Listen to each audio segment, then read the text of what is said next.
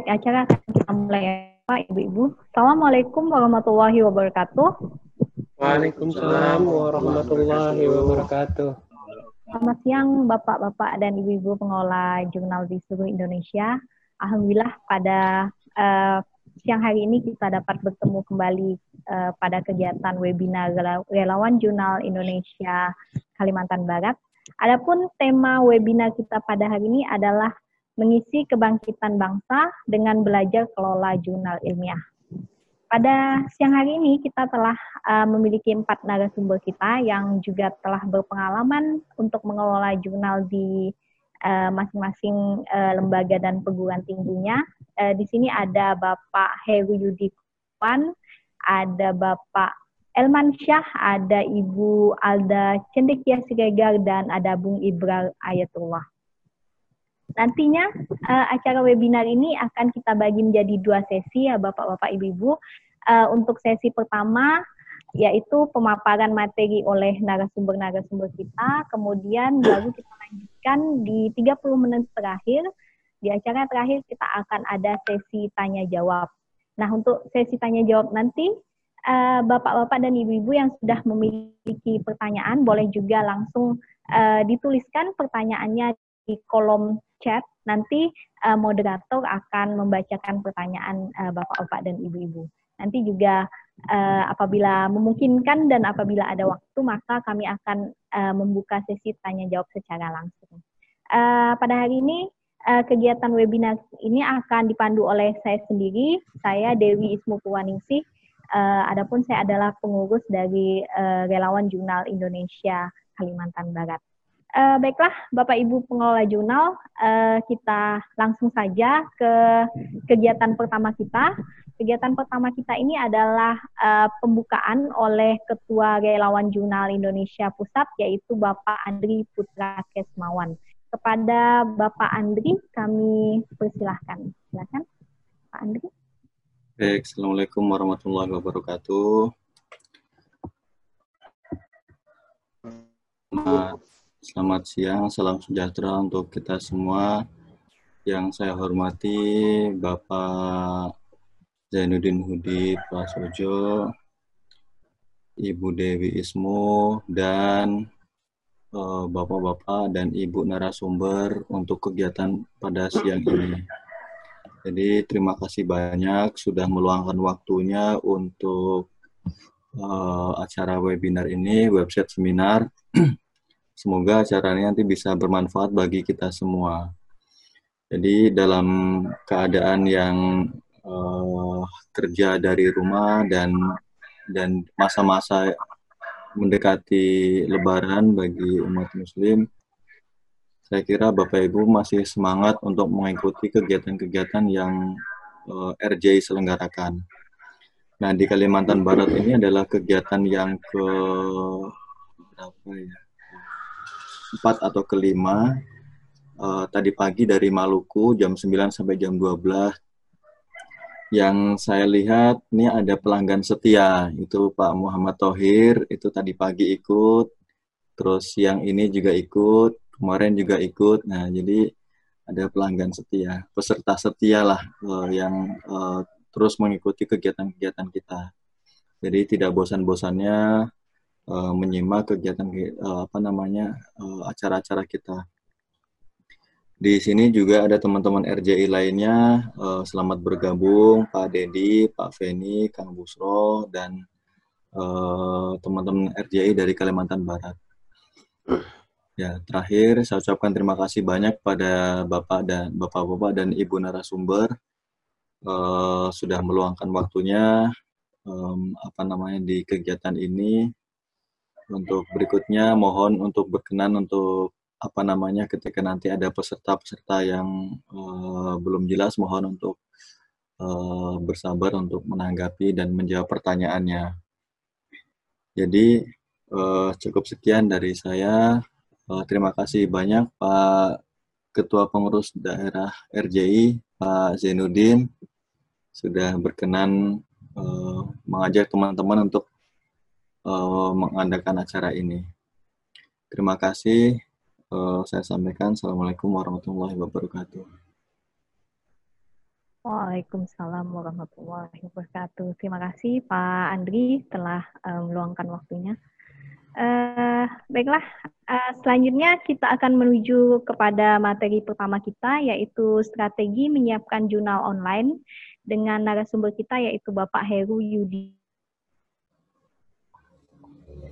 Saya akan membacakan kurikulum vitae dari Bapak Heru Yudi Kurniawan ini, yang juga biasa dipanggil dengan Pak Yudi Uh, Pak Yudi ini lahir pada uh, di Pontianak pada tanggal 21 Januari 1989. Kemudian uh, lembaga perguruan tingginya adalah Universitas Muhammadiyah Pontianak. Untuk uh, nomor HP beliau dan yang juga nomor WA-nya yaitu uh, 082150395120 21. Jika uh, Bapak Ibu uh, ingin bertanya langsung kepada beliau, dipersilahkan untuk menghubungi, beliau. Adapun Pak Yudi ini untuk pengelolaan jurnalnya sendiri ada tiga di sini.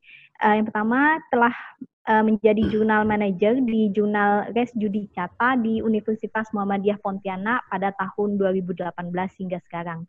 Uh, kemudian juga uh, beliau juga menjadi editor di jurnal Pengabdi di Lembaga Penelitian dan Pengabdian kepada Masyarakat di Universitas Tanjung Pura Pontianak pada uh, sejak tahun 2018 hingga sekarang. Dan juga uh, beliau editor jurnal Al-Hikmah di Universitas Muhammadiyah Pontianak pada tahun 2018 hingga sekarang.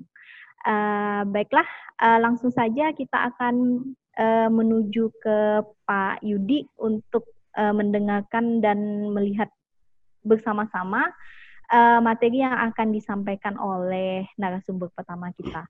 Pada Pak Yudi, kami persilahkan.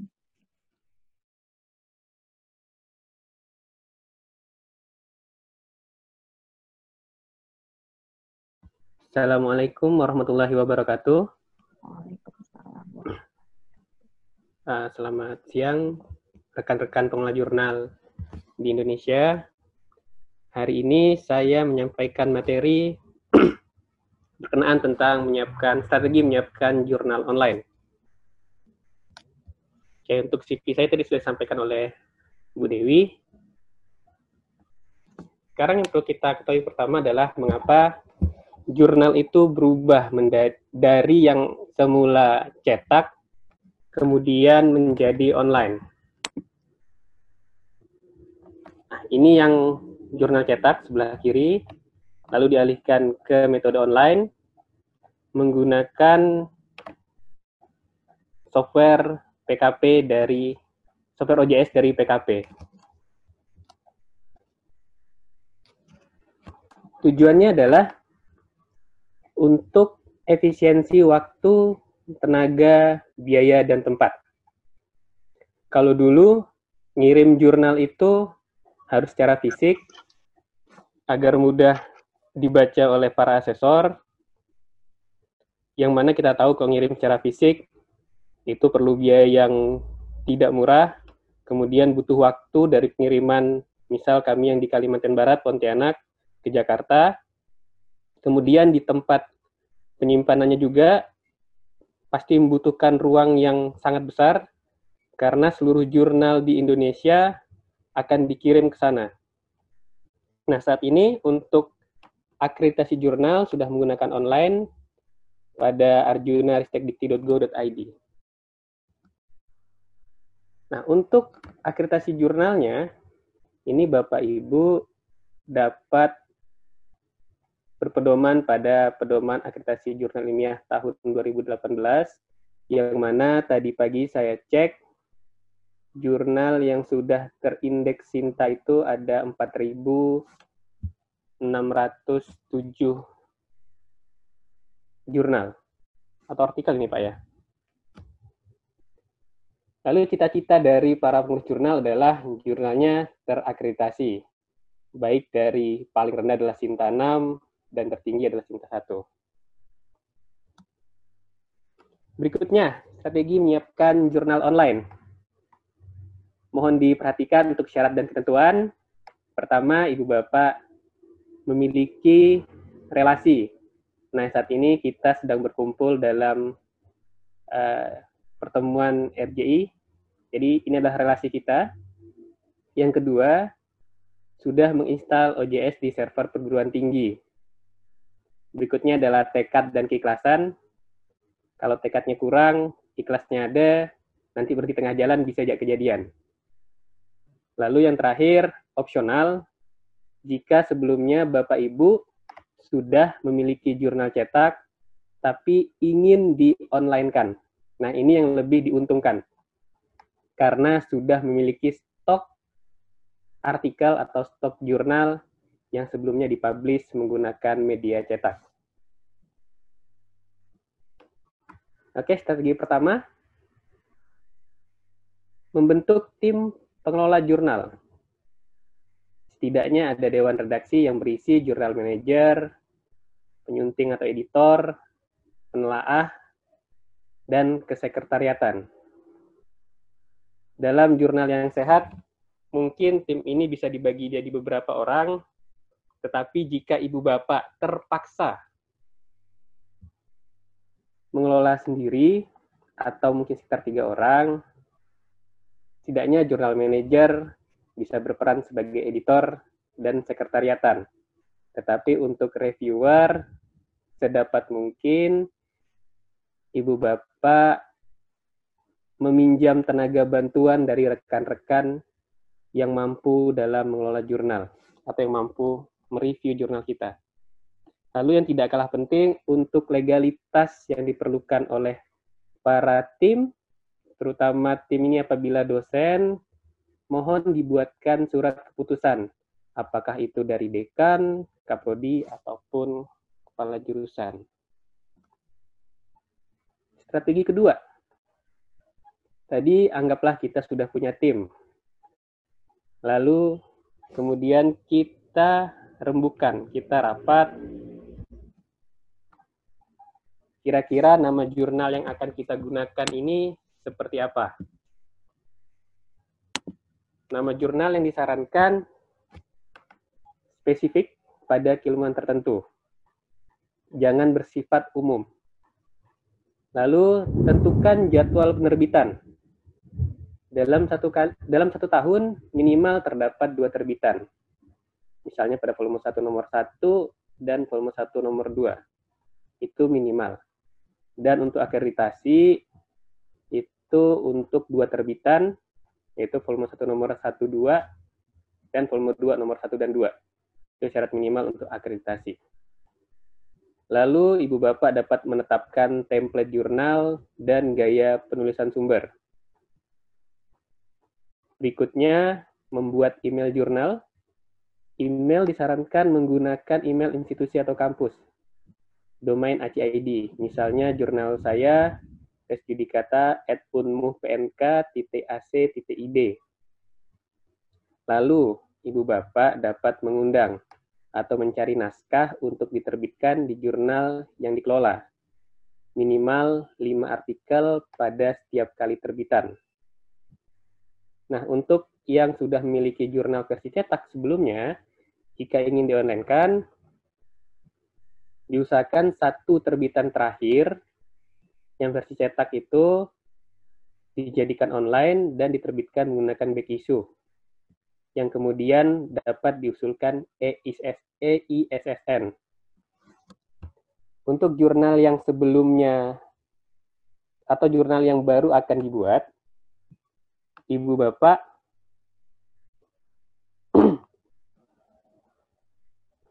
dapat menunggu dalam satu kali terbitan dulu, misalnya volume 1 nomor 1, baru dapat mengusulkan elektronik ISSN.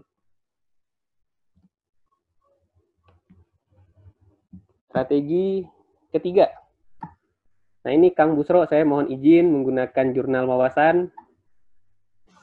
Yang ketiga adalah amati jurnal yang sudah akreditasi sebagai referensi. Amati apa saja yang ditampilkan pada beranda jurnal tersebut ada judulnya menampilkan EISSN ataupun PISSN-nya, lalu menu-menu, indexing, template, dan lain-lain. ada yang menu sidebar, dan yang lainnya. Setelah itu, kita lihat lagi, di dalam menu itu sebenarnya ada apa saja sih? Misalnya di home, home itu menjelaskan nama jurnal, kemudian skupnya seperti apa, terbitnya berapa kali dalam setahun, pada bulan apa saja, lalu pada sidebar, fokus and scope, menjelaskan ini jurnal menerbitkan pada bidang apa saja atau ilmu apa saja. Yang terakhir adalah dilakukan. Strategi 1 sampai 3 jika cuma dibaca tapi tidak dilakukan maka akan selesai dan percuma. Jadi strategi yang kita punya tolong dikerjakan. Lalu untuk tambahan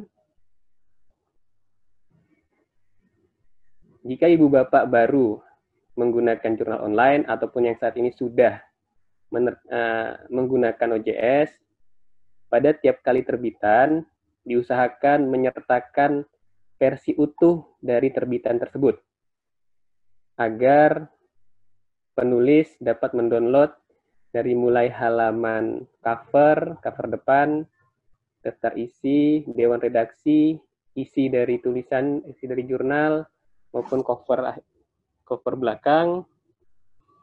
Dan yang berikutnya dalam penulisan isu pada sebelah kiri dapat Ibu Bapak lihat jika terbitannya tepat waktu boleh disertakan bulannya. Misalnya saya tulis itu bulan Oktober 2019, April 2019. Tapi jika Ibu Bapak dan saya juga mengalaminya dalam mengolah jurnal, terbitnya tidak selalu on time. Kadang molor satu minggu, kadang molor dua minggu, atau bahkan pernah sampai sebulan karena kekurangan artikel. Jadi, disarankan menggunakan cara yang sebelah kiri, eh sorry, yang sebelah kanan, cukup tuliskan volume, nomor, dan tahun terbitannya saja. Jadi tidak perlu detail. Kenapa ini? Karena nanti jika ibu bapak mengusulkan akreditasi, asesor akan melihat benar nggak ya jurnal yang diusulkan akreditasi ini terbitnya on time. Kalau tidak, maka itu dapat mengurangi penilaian. Oke, ini sumber yang saya gunakan. Oke, sudah selesai. Apakah Ibu Bapak ada pertanyaan dengan materi yang saya sampaikan?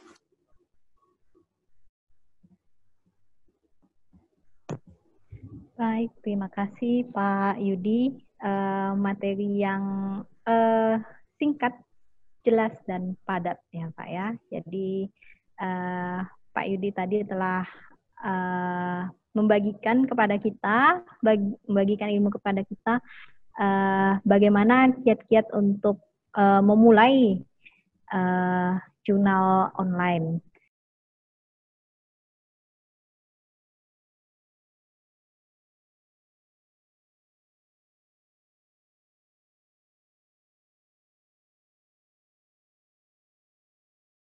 Nah, uh, masih ada waktu akan tapi kita lang langsung saja lanjut kepada materi kedua kita, Bung Ibra Ayatullah. Di sini yang akan menyampaikan uh, tentang OJS 2 dan OJS 3. Kita bacakan dulu uh, eh, CV dari Bung Ibra di sini. Bung Ibra di sini nama lengkapnya adalah Muhammad Ibra Ayatullah. Uh, lahir di Sanggau uh, pada 21 Mei 1994 Uh, di sini uh, Bung Ibrar ini uh, mengabdi di Politeknik Kesehatan Kemenkes Kupang. Nah, uh, adapun jika ingin tanya-tanya tentang OJS, di sini Bung Ibrar adalah ahlinya. Uh, Bapak Ibu bisa menanyakan uh, langsung di nomor HP ataupun WA-nya yaitu 0896 36 95 1619. Nah, uh, riwayat pengelolaan jurnalnya juga cukup banyak untuk Bung Ibrahim ini. Ada enam terhitung di sini di CV-nya. Uh, eh, pernah menjadi jurnal manager di Jurnal Vokasi Kesehatan di Poltekkes Kemenkes Pontianak pada tahun 2017 hingga tahun 2018.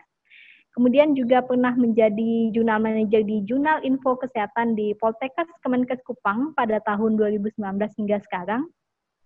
Kemudian juga editor in chief uh, Dental Therapist Journal di Poltekkes Kemenkes Kupang pada tahun 2019 hingga sekarang.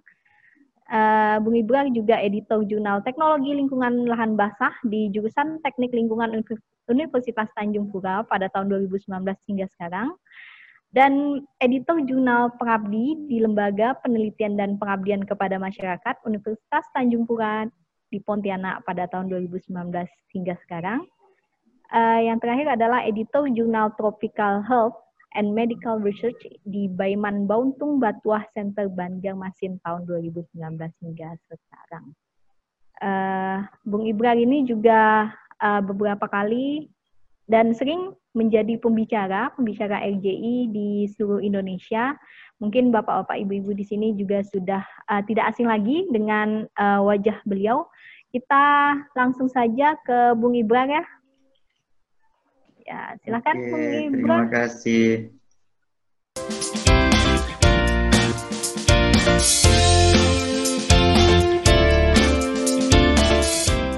Uh, Assalamualaikum warahmatullahi wabarakatuh. Apakah slide-nya terlihat, Bapak Ibu? Oke, oke, oke. Eh, tadi saya mau klarifikasi ya. Kalau saya dibilang ahli, saya belum ahli. Saya sukanya belajar dan berbagi biasanya. Jadi uh, yang ahli itu adalah tim-tim dari pusat. Jadi uh, saya hanya berbagi, sharing. Jadi apa yang saya dapatkan saya berbagi kepada Bapak Ibu semuanya. Nah kali ini ya Bapak Ibu uh, saya akan membahas tentang manajemen penerbitan OJS 2 dan OJS 3. Sebenarnya ini terlalu apa, panjang sebenarnya Bapak Ibu waktunya. Jadi harus harus apa ya? Harus banyak waktu untuk menyelesaikan ini sampai akhir sebenarnya. Tapi saya singkat aja ya Bapak Ibu. Jadi di sini ada beberapa ya OJS yang telah saya apa nama eh, lihat yaitu dari versi ataupun tipe dari OJS-nya. Di sini ada beberapa Bapak Ibu, mungkin contohnya Al-Abab ya. Itu di situ ada OJS yang digunakan ada 24.8.5, kemudian ada Medical Laboratory punya uh, Poltekkes Kemenkes Banjarmasin ada 247.1, kemudian ada uh, Jurnal Kesehatan Prima milik Mataram itu ada 248.2, kemudian ada Bulletin of Chemical Reaction Engineering in Catalyst. Itu menggunakan OJS versi 2481 yaitu milik uh, Undip.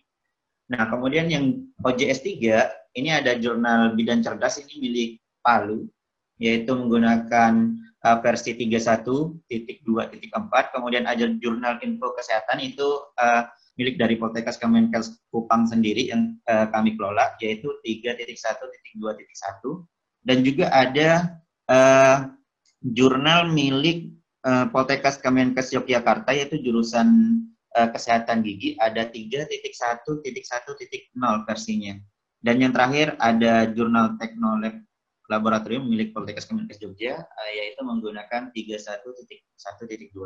Jadi yang membedakan antara tiap jurnal ini sebenarnya dalam proses marketing. Jadi kalau di OJS 2 itu dia mungkin Bapak Ibu bisa melihat ya, untuk di role ketika Bapak Ibu memasuk di Journal Manager di bagian role itu Bapak akan melihat kalau di OJS 2 ada author, editor, kemudian ada uh, section editor, kemudian ada lagi yang namanya reviewer, terus ada journal manager. Nah, sedangkan di OJS 3 kalau di role-nya itu dia itu banyak bagiannya Bapak Ibu. Jadi ada author, ada Reader juga ada ya di OJS 2 ya. Jadi reader, author, reviewer, editor, section editor, kemudian ada lagi di situ uh, kayak marketing, ada production, kemudian uh, bagian layouter ada pokoknya di situ semuanya tertera di role-nya. Nah, kemudian di sini apa sih sebenarnya yang harus kita pelajari dari OJS 2 maupun OJS 3? Yang perlu kita ketahui sebenarnya pertama kali itu perannya, Pak peran dari uh, rule-nya, yaitu misalnya peran dari administrator itu apa, peran dari uh, Misalnya peran dari jurnal manager itu apa, kemudian editor apa, section editor apa, reviewer apa, dan author itu apa. Nah, kalau sistem uh, manajemen penerbitannya, Bapak Ibu mungkin bisa mengecek atau melihat di bagian uh, OJS 2 yang sering mudah atau yang mudah itu di bagian about, di bagian paling bawah tersendiri, itu ada namanya about publishing ya di step 5-nya kalau nggak salah di bagian bawah sendiri itu ada namanya about publishing. Nah, di situ kita akan melihat uh, proses penerbitannya Bapak Ibu. Nah, sebenarnya di situ udah tertera jelas proses penerbitan itu dimulai uh, dari proses penerbitan itu uh, dimulai saat submit pertama kali. Nah, jadi saat pertama kali yang memulainya itu adalah seorang penulis, ya. Jadi seorang penulis dia akan mensubmitkan sebuah naskah. Naskah tersebut akan disampaikan kepada uh, editor. Nah, editor ini tugasnya di sini udah ada ya Bapak Ibu. Untuk lebih jelasnya saya mungkin dari sini ya. Nah, jadi praktek penerbitannya itu dia seorang autor akan uh, mensubmitkan atau memasukkan artikelnya ke dalam sebuah jurnal baik OJS 3 maupun OJS 2. Jadi Bapak Ibu bisa tengok ya, bisa dilihat uh, OJS 2 yang di atas, OJS 3 yang di bawah. Nah, ketika di OJS 2 pada bagian yang pertama itu adalah kita akan mengisi lembar checklist. Nah, lembar checklist itu ada lima checklistan kalau nggak salah, ada lima stepnya ya. Jadi ada checklist, lembar checklist, jadi kita harus mengisi checklistan tersebut. Nah, setelah kita checklist, kita continue, maka kita akan masuk ke dalam upload submit, uh, submission. Nah, di upload submission ini, Bapak Ibu akan mengupload atau mengunggah sebuah artikel yang akan Bapak masukkan atau Bapak Ibu masukkan ke dalam sebuah jurnal. Jadi artikel atau naskah yang Bapak Ibu masukkan dimasukkan di dalam bagian yang kedua kalau di OJS 2. Sama sih kalau di OJS 3 juga di bagian kedua, yaitu di upload submission. Nah, yang perlu diperhatikan oleh Bapak Ibu yaitu harus sesuai dengan template yang diminta atau author guideline ya yang diminta oleh sebuah jurnal. Jadi Bapak Ibu harus memperhatikan itu terlebih dahulu kalau Bapak Ibu ingin memasukkan sebuah artikel dalam sebuah uh, jurnal. Nah, yang ketiga yaitu enter metadata. Nah, di enter metadata sama OJS 2 maupun OJS 3 yaitu kita mengisi data-data. Misalnya data nama, uh, kemudian ada judul, ya judul artikel abstrak kemudian di situ juga ada yang namanya uh, keywords biasanya juga diminta nah yang terakhir kalau yang di OJS 2 itu ada upload uh, supplementary file yaitu adalah file tambahan misalnya Bapak Ibu uh, membuat sebuah uh, di situ tertera bahwa antara tabel dan uh, artikel itu dipisahkan. Nah, nanti tabelnya bisa ditambahkan di sini di upload supplementary file atau enggak kalau di dalam bidang kesehatan itu ada namanya ethical clearance. Nah, ethical clearance itu nanti akan dimasukkan di dalam upload sup, uh, supplementary file. Nah, kalau sedangkan yang di OJS 3 ini udah sampai 4 ini udah konfirmasi Bapak Ibu. Jadi udah finish, udah selesai gitu kan. Sedangkan untuk next step yang OJS 3 ini dia uh, dia akan meresubmit kembali, artinya akan memasukkan yang terbaru, atau dia cuma ingin melihat review, dia akan kembali kepada tampilan ke depan. Sedangkan di OJS 2 itu pada bagian 5 yang harus uh, yang konfirmasinya. Jadi tahapannya sangat mudah ketika author memasukkan. Jadi Bapak Ibu jangan bingung lagi gimana author untuk memasukkannya ke dalam. Nah, kemudian ketika author sudah memasukkan artikelnya, maka akan diterima oleh editor in chief. Nah, editor in chief ini siapa? Tapi kalau di OJS-nya itu biasa kita uh, kita rolekan sebagai editor, ya. Tapi di sini uh, biasanya kalau di jurnal kami itu kami masukkan ke editor in chief dulu. Jadi editor in chief itu akan bertugas sebagai ini Bapak Ibu akan mengecek naskah di internet. Artinya ada nggak sih kesamaan dengan artikel yang lainnya?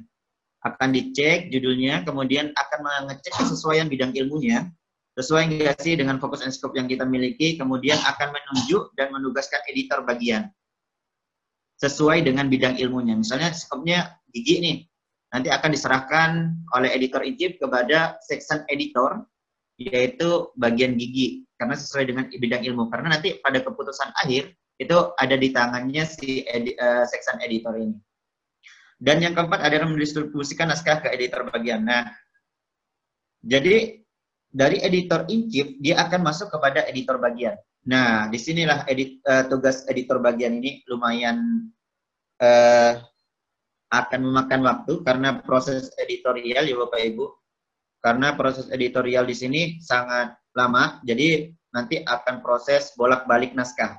Nah, jadi tugas editor bagian ini, ah ini menghapus identitas menulis. Nah, terkadang Bapak Ibu sering melakukan pengiriman artikel, padahal uh, di situ dikatakan bahwa artikel itu double uh, double blend.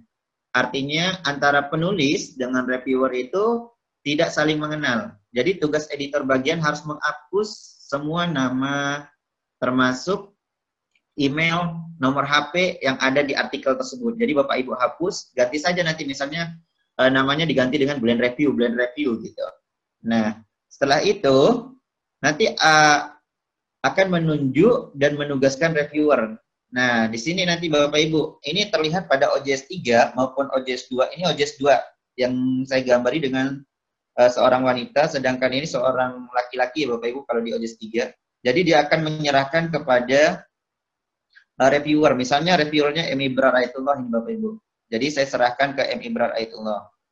Terus sedangkan yang di sini di OJS 3 kita serahkan kepada reviewer siapa saja ya. Jadi caranya itu sama.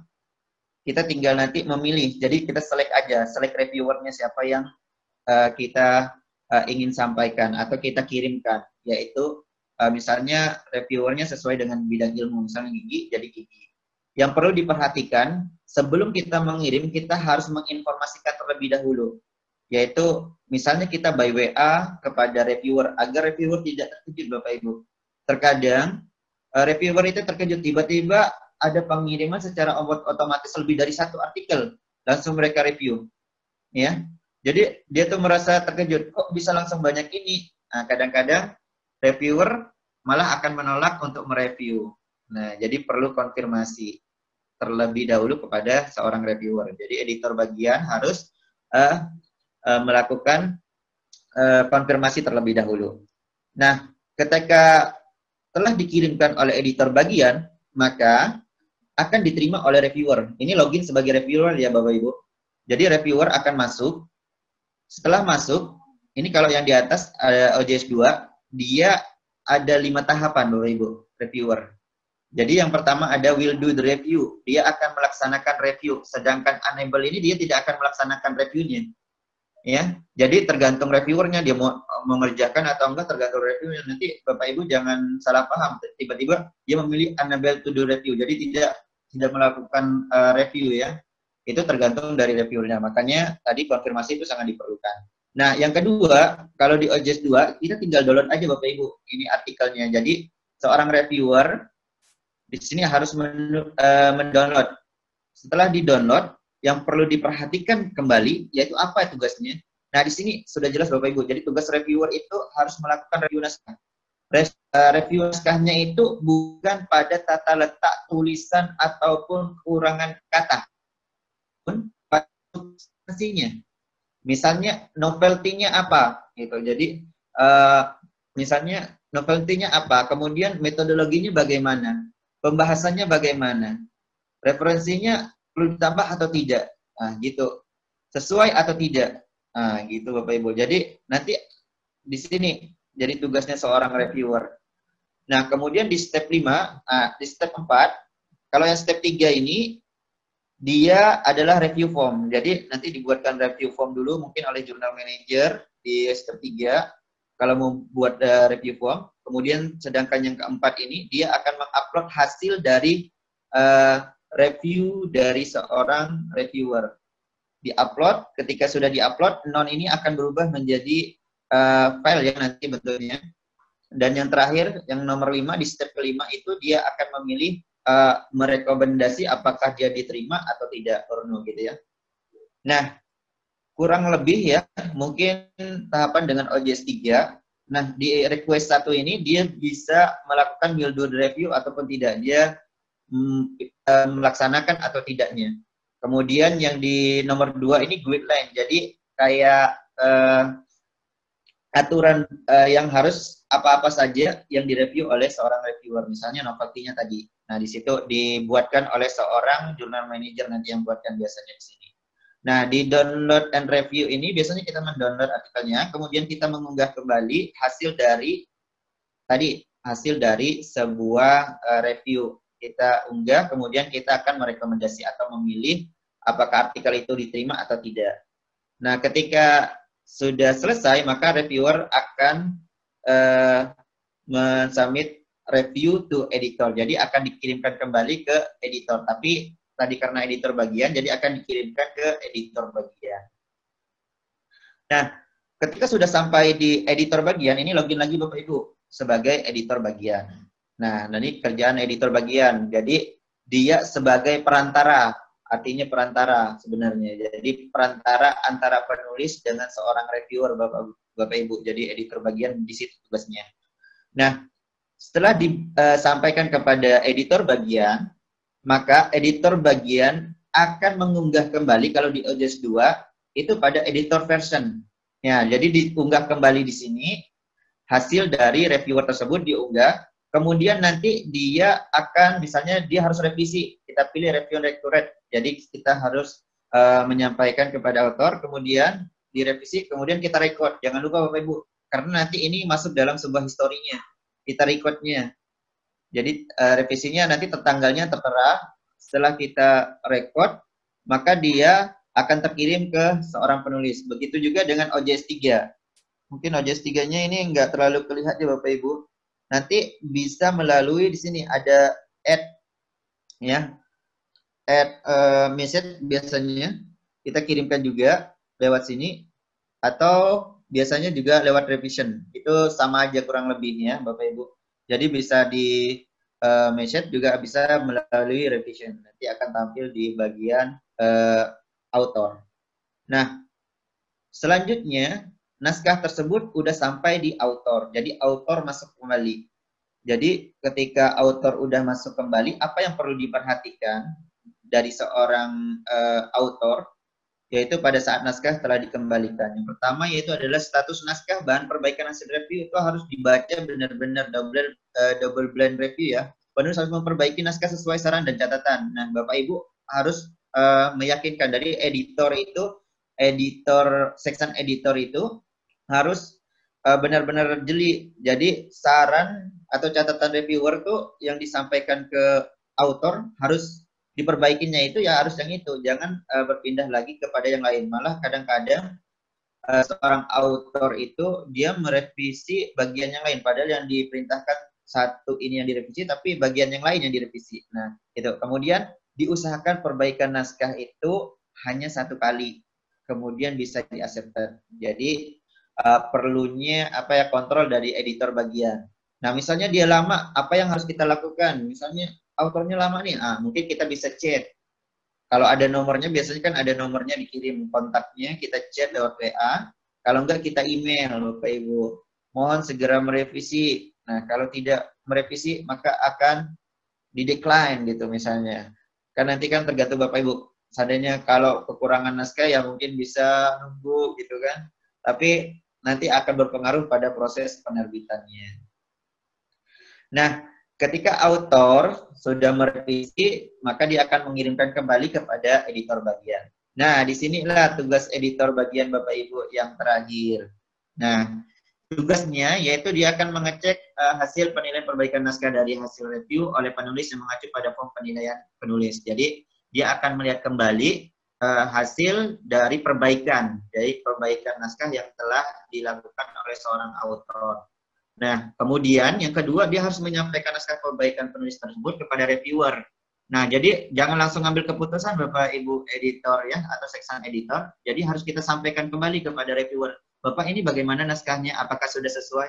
Oke, terbit lanjut. Nah, oke, kita nanti baru kita akan melanjutkan. Tinggal kita kasih accepted submission. Nah, sama ya, di sini nanti akan ada di sini yaitu tinggal kita uh, accepted. Nah, karena di sini kurang ya, nggak kelihatan di OJS 3-nya. Nanti ada pilihan accepted di situ.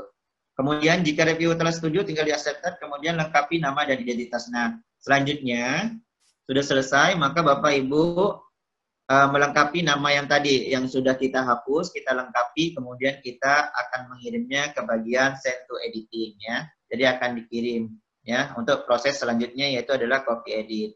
Nah, copy editing ini mungkin nanti dikerjakan di luar juga boleh sebenarnya. Karena proses editorial itu tadi yang telah dilakukan mungkin dari author kemudian editor in chief terus ada text editor terus reviewer udah selesai itu adalah termasuk dalam proses editorial Bapak Ibu. Nah, untuk selanjutnya yaitu masuk kepada bagian editing naskah. Nah, dia akan mengecek kembali ini bisa dilakukan oleh editor ya ataupun dia bisa dilakukan oleh orang lain yang diperintahkan ya oleh uh, section editor. Misalnya yang bisa masuk ke dalam proses selanjutnya yaitu misalnya dia harus mengecek tata bahasanya, kemudian uh, susunan kalimatnya, misalnya ada yang tipe atau bagaimana itu harus diperbaiki layoutnya, bagaimana Bapak Ibu, ah, kayak begitu. Nanti dia akan masuk di eh, sini, uh, inisial copy edit, dan uh, kalau di OJS 2, kemudian kita kirim lagi ke author copy edit bagaimana di author copy editnya, jadi nanti authornya akan mengirim kembali, kemudian terakhir di finalnya, nanti baru di upload Nah, sama juga di sini di bagian uh, OJS 3 ya di bagian copy edit Bapak Ibu tinggal di upload kembali, dicek kemudian nanti dikirimkan ke seorang uh, penulis tersebut minta uh, persetujuan bagaimana apakah sudah sesuai atau tidak. Jadi begitu Bapak Ibu. Nah, kemudian di sini uh, misalnya nih statusnya udah in editing. Nah, nanti apa yang harus dilakukan? Nah, in editing ini kita mengecek ulang dan menuju naskah hasil copy edit. Jadi copy editnya udah disetujui, tinggal nanti kita menugaskan atau mendistribusikan naskah kepada uh, layout editor. Nah, kita kirimkan lagi ke layout editor ini Bapak Ibu. Kalau di OJS 2, ini udah tertera ya Bapak Ibu, ada layout editor. Di sini jangan dilupa upload filenya, dicentangnya disesuai yang ini Bapak Ibu, layout editor, maka dia akan tampil di layout editor. Nah, kalau di OJS 2, kalau di OJS 3, itu kurang lebih sama di bagian uh, layout di production ini. Nah, nanti dia akan tampil di sini. Kita tampilkan. Nah, nanti yang terakhir di sini in editing pada bagian layout ya, layout ya. Jadi di gallery format Bapak Ibu. Ya, melayout naskah dan template sesuai, kemudian dibentuk dengan bentuk PDF. Boleh PDF, boleh XML, ya kalau mau Word ya terserah Bapak Ibu tapi kebanyakan sudah menggunakan PDF nah di sini jika ada uh, catatan perbaikan dari editor bagian naskah gallery di layout ulang sebelum dikirim ke proofreader nah jadi di layout ulang kemudian yang paling terakhir dia harus kita kirimkan kepada proofreader kita cek lagi ke proofreadernya Bapak Ibu. Nah proofreader ini harus memang benar-benar sudah tahap terakhir ini Bapak Ibu. Jadi proofreader memang harus membaca dari awal. Misalnya uh, pokoknya dari awal pe naskah itu dari judul semuanya harus dibaca ulang. Ya kayak gitu. Kemudian yang terakhir kita masukkan di bagian ini bapak ibu. Udah selesai semua tinggal dicentang jangan dilakukan dalam satu waktu biasanya ini kalau dilakukan atau satu waktu tidak mungkin bisa dilakukan satu, satu waktu pasti ini membutuhkan waktu misalnya sehari dua hari nah, ini di request, underway, dan complete-nya ini, dia pasti memerlukan beberapa hari Bapak Ibu. Dan kemudian kalau yang di sini juga sama, nanti tinggal dimasukkan saja POJS 3-nya. Dan yang terakhir nanti di galainya, sama tadi di galai. Di sini adalah format jadinya. Setelah format jadi setelah selesai, baru kita nanti akan uh, memasukkan kepada menjadwalkan edisi penerbitannya. Jadi jadwalnya kita buat jadwal terlebih dahulu dia mau masuk edisi berapa. Tapi sebelumnya editor ya Bapak Ibu yang membuat sebuah isu. Jadi isunya dibuat dulu atau mau buat di akhir juga nggak apa-apa. Nanti dibuatkan isu volume berapa, nomor berapa, tahun berapa. Nah di situ dibuatkan. Sudah itu nanti tanggal publishnya ini jangan lupa Bapak Ibu. Publishnya misalnya Agustus, jadi tekan Agustus tanggal berapa untuk publishnya kemudian di record. Nah sudah di record, jadi gale ini sudah terisi ya Bapak Ibu harus terisi sudah terisi dan di sini juga sudah OJS 2 maupun OJS 3. Kemudian tinggal nanti pemberian halaman page. Kalau di OJS 2 tinggal dikasih halaman berapa, kita balok kontennya tadi udah di record, kita masuk ke dalam lagi, nanti akan membuka uh, penomorannya ada berapa. Sedangkan di OJS 3 dia cuma tampilannya di pinggir agak berbeda. Jadi dia tidak perlu masuk ke dalam, tapi dia perlu uh, memindahkannya. Ada di bagian pinggir itu ada bagian produksinya. Jadi tinggal di publikasinya buatnya berapa, ya nomornya berapa, halaman berapa. Nah, yang terakhir kita tinggal menata artikel. Jadi di dalamnya kita bisa menata artikel. Misalnya nomornya nih loncat-loncat biasanya ada 12 di atas, nomor satunya di bawah. Nanti kita uh, tata ini Bapak Ibu harus benar. Misalnya satunya harus di atas, bawahnya di bawah, kan? Jadi harus tata sama kayak gini juga ditata di OJS 3. Jadi harus memang benar-benar uh, jeli Bapak Ibu. Jangan sampai nanti apa yang kita publish nanti nggak berurutan gitu. Jadi kayaknya kelihatannya itu kurang bagus gitu. Nah kayak gitu Bapak Ibu. Nah ini catatan pentingnya yang tadi dari rangkaian semuanya, yaitu penulis harus memperhatikan MS Scope, template, dan kutipan naskah. Kemudian editor harus melakukan screening naskah secara cermat sebelum naskah diproses. Kemudian editor bagian harus memastikan naskah double blend review, karena di Indonesia ini biasanya keseringan menggunakan double blend review. Boleh juga menggunakan single single review sih sebenarnya. Kemudian ada juga yang open biasanya, open review juga ada. Tapi yang keseringan dipakai di Indonesia double blend review.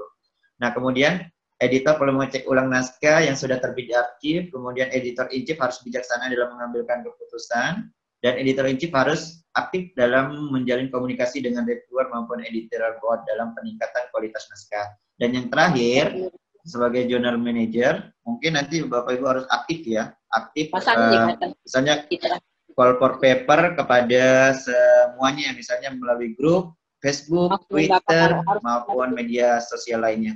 Mungkin itu saja dari saya kurang dan lebihnya saya mohon maaf.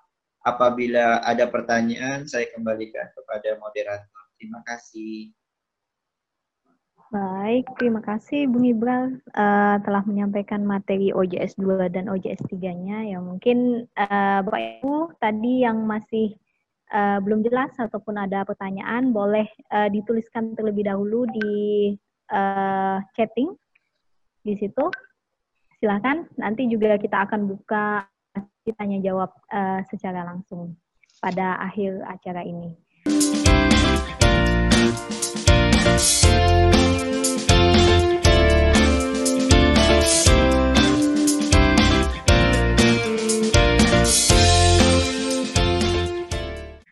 untuk selanjutnya kita uh, menuju ke materi selanjutnya saja dulu.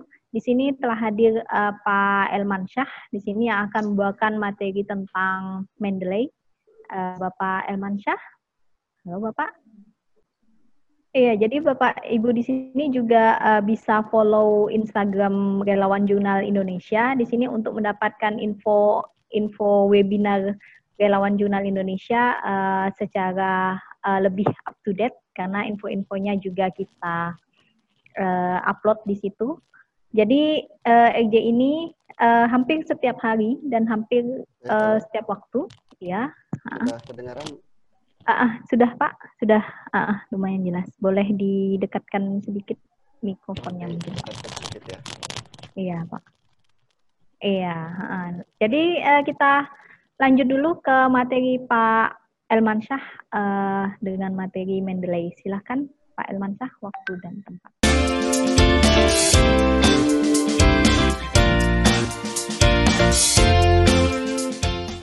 Baik Bapak Ibu sekalian, sambil menunggu PowerPoint-nya.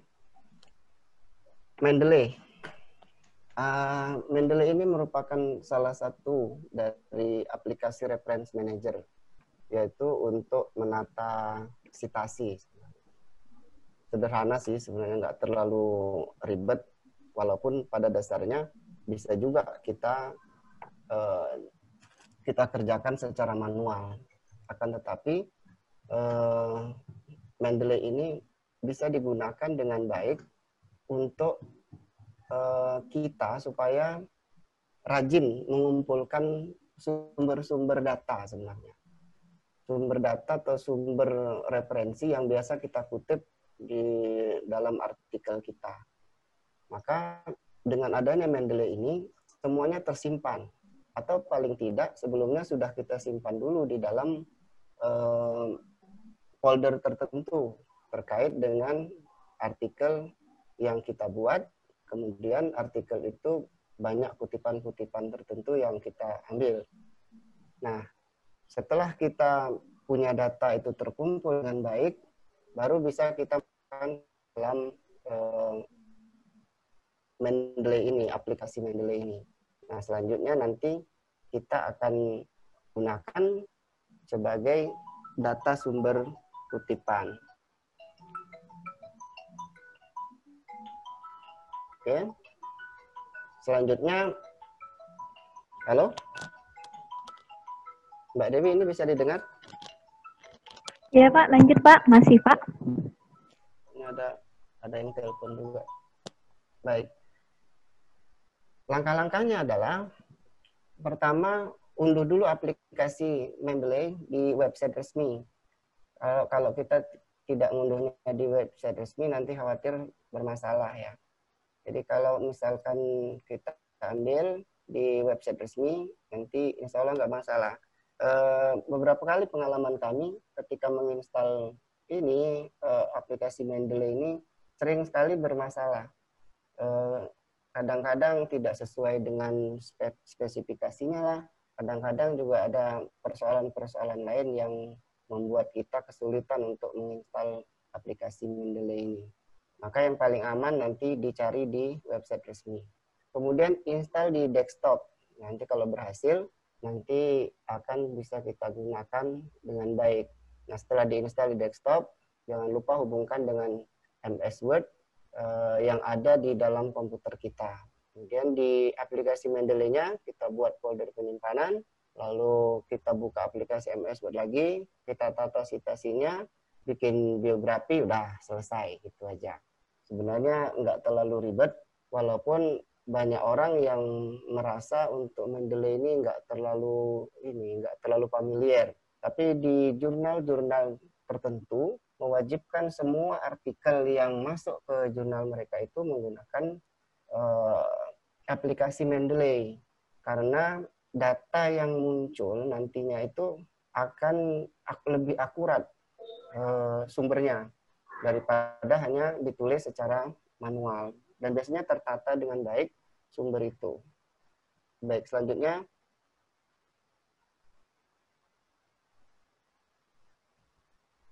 Kita akan coba satu persatu. Pertama, download Mendeley dulu. Cari langkah apa namanya website resmi. Di sini ada saya carikan contohnya mendeley.com download desktop new add download. Nah, di sini kemudian setelah kita cek di sini bisa langsung ke Eh, bagian yang ditulis merah ini, kita langsung klik, nah nanti akan tersimpan di laptop kita. Selanjutnya, setelah dia tersimpan di laptop, baru kemudian kita install di desktop kita. Lanjut. Nah ini, installnya ini kemarin saya pernah bermasalah karena ada persoalan eh, restrict yang ada di dalam eh, cPanel. Nah, yang persoalan begini sering banyak terjadi, makanya kemudian hati-hati dalam menginstal Mendeley ini supaya eh, bisa berjalan dengan baik. Next. Nah, kalau berhasil, maka tampilannya akan seperti ini Bapak Ibu. Mendeley, Nah, tinggal kita masukkan email, kemudian password, lalu langsung sign in. Nah, tapi karena ini menggunakan aplikasi khusus, maka nanti harus regis dulu, registrasi dulu ke Mendeley-nya, supaya ketika kita masuk ke aplikasi ini, aplikasi ini bisa digunakan. Baik, next. Nah, Kemudian kita masuk ke wilayah uh, Mendeley-nya. Mendeley khusus untuk uh, khusus untuk mendaftar atau registrasi. Di sini ada create account, kemudian for free saja. Langsung kita masukkan ke akun di Mendeley itu nanti akan diarahkan ke Elsevier. Di Elsevier ini kita masukkan email, nah nanti kita akan diminta untuk mengisi formulir mulai dari nama, kemudian institusi, pekerjaan, dan seterusnya. Setelah selesai, Oh, jangan lupa di situ apakah Anda statusnya sebagai dosen atau sebagai mahasiswa atau sebagai apa dalam sebuah lembaga. Baru kalau sudah dimasukkan, nanti akan terlihat status atau identitas kita. Setelah identitas kita terbuat, sudah oke, okay, maka kita akan diterima atau selesai registrasi, maka you are registered. Gitu. Next. Nah, kalau sudah seperti ini, kita bisa langsung ke aplikasi Mendeley-nya. Enak kalau udah gini. Uh, yang penting jangan lupa ketika kita mendaftar tadi, ada di email yang kita daftarkan itu uh, username dan password yang sudah kita buat biasanya. Setelah kita dapat data itu, kita langsung bisa masukkan emailnya, masukkan password, bisa sign in. Next. Nah, ketika kita sign in di Mendeley, pertama kali biasanya muncul seperti ini. Isinya, maksudnya itu supaya kita ini langsung menghubungkan antara MS Word yang kita punya dengan aplikasi Mendeley. Nah, supaya nanti ketika kita buka di aplikasi Mendeley itu, kita bisa uh, melihat bahwa aplikasi Mendeley sudah terpasang di Word yang kita punya, MS Word yang kita punya. Next. Nah, di aplikasi ya di aplikasi Mendeley itu kita bisa melihat di sini poin-poinnya. Setelah kita terinstall tadi, ada nampak seperti ini. Nampak menunjukkan suruh edit, suruh uh, edit maksudnya add, menambah menambah artikel secara manual atau folder secara manual. Uh, nanti satu persatu akan kita coba. Next. Nah, yang paling penting adalah kita mengisi foldernya dulu. Nah, setelah diisi folder, baru nanti kita lanjutkan. Nah, sebelum kita bekerja lebih jauh di wilayah uh, aplikasi Mendeley, jadi ada dua aplikasi.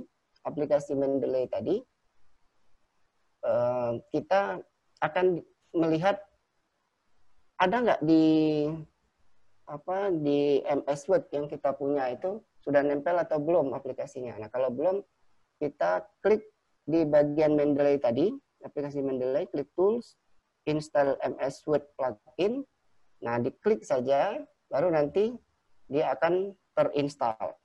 Setelah terinstall, ketika kita cek di bagian Word, MS Word itu akan muncul dat, eh, gambar seperti ini. Insert citation. Sudah ada lambang Mendeley-nya. Sehingga di sini nanti kita bisa lanjut mengerjakan eh, Mendeley dengan baik. Berikut Nah, ini selain kita bisa mengimport data itu dengan cara manual, kita juga bisa mengimport data, memasukkan data sumber kutipan dengan cara mengambil data di internet langsung. Tapi syaratnya harus di-download dulu web importernya. Diinstal dulu web importernya. Sama seperti install MS Word plugin tadi, kita ambil di tools, kemudian klik install web importer, dia akan diarahkan ke web importernya. Di situ kita akan diminta untuk mendownload. Setelah di-download, kita install. Eh, setelah diinstal, nanti akan dibuat extension khusus yang akan muncul di bagian paling pojok kanan ya, paling pojok kanan dari web browser kita. Nah, itu nanti kita akan bisa menggunakan uh, alat ini untuk mencari data secara langsung di internet. Misalkan ada artikel, ada buku atau apa saja yang ada sumbernya jelas di situ uh, yang ada PDF-nya, yang maupun tidak ada PDF-nya bisa diambil melalui data ini. Klik di bagian pojok itu nanti akan keluar. Baik, berikutnya. Setelah kita download semua, tadi eh, sudah kita download, sudah kita install bagian tools tadi, maka kita akan melihat langsung ke uh, tampilan awal dari uh, Mendeley kita. Tampilannya biasanya kosong. Karena ini udah ada isinya untuk memudahkan saja. Nah, setelah ada tampil di situ kosong, maka kita buatkan folder di bagian kecil ini. Di sini kita buat folder namanya apa gitulah. Bikin folder. Setelah bikin folder, baru kita isi. Nah, cara ngisinya, kita lihat tools-tools yang ada di sini. Ada add manually. Artinya, kita akan menambahkan uh, dokumen atau referensi baru secara manual. Kemudian, add folder. Nah, bisa kita masukkan folder. Artinya kalau sudah kita buat folder di komputer kita, kemudian kita klik di bagian ini, kita bikin lagi, masukkan foldernya. Akan lebih mudah. Berikutnya, related. Related itu maksudnya referensi yang berhubungan. Nanti di bagian sini juga bisa kita klik untuk mencari data yang terkait. Juga bisa dihubungkan dengan yang bagian web browser tadi itu, web extension, kita cari data yang terkait. Kemudian sync ini juga disinkronisasi antara data web dengan data yang ada di uh, aplikasi Mendeley. Berikutnya, kita akan diarahkan, uh, oh ya, sebelum sampai ke sana kita coba dulu untuk masuk membuat data dengan mudah. Contohnya yaitu ketika kita klik di bagian icon yang ini tadi, add ini, kemudian di bawahnya ada pilihan apakah add dengan file ataukah folder. Nah, di situ kita klik, setelah diklik, cari referensi yang akan kita kutip, yang akan kita ambil maksudnya, di komputer kita atau di web. Nah, setelah kita klik di situ, maka data akan langsung masuk ke wilayah ini, bagian yang sebelah sini ini. Berikutnya,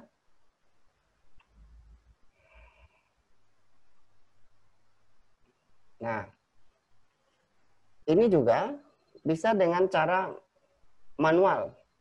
Manual lagi, dalam artian satu persatu bisa kita masukkan karena biasanya kan ada data yang tidak lengkap.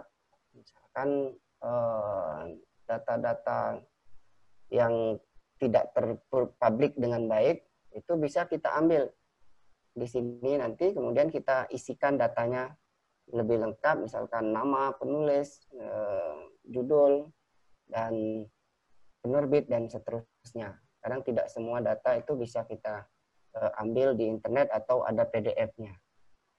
Kemudian, bisa juga kita lanjut ke cari di web, eh, data web. Nah, caranya kita masuk ke web browser, kemudian ada extensionnya itu, bagian extension, yang ada gambar seperti ini, kita klik saja icon. Nah, kemudian cari artikel.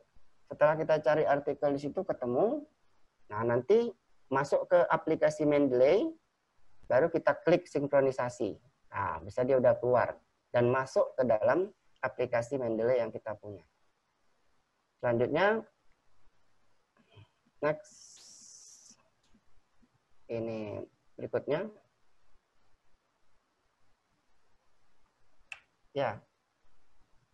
membuat folder penyimpanan referensi Mendeley. Nah, tadi sudah sekilas sudah saya sampaikan, mungkin masih kurang uh, bisa dipahami barangkali, maka akan saya ambil satu-satu di sini. Cara pertama adalah membuat penyimpanan referensi Mendeley dulu. Caranya, setelah kita buka tadi kosong, uh, aplikasi Mendeley karena belum kita isi apa-apa, maka di sini ada create folder. Nah, di sini saya buat misalkan disertasi Nah, eh, aplikasi disertasi ini berarti eh, nanti akan dijadikan folder untuk menyimpan data-data yang akan kita jadikan sebagai reference atau referensi. Berikutnya, setelah eh, data ini tersimpan, next, kita juga bisa mencari membuat data tertentu yang berada di komputer kita. Misalkan kita bikin folder ini, kalau saya bikin folder rap uh, tasawuf kalbar misalkan. Di sini saya masukkan semua artikel yang berbentuk PDF atau buku yang ada PDF-nya kita masukkan semua untuk dijadikan sebagai bank data yang nanti bisa kita share, kita masukkan ke eh, apa namanya Mendeley yang kita punya.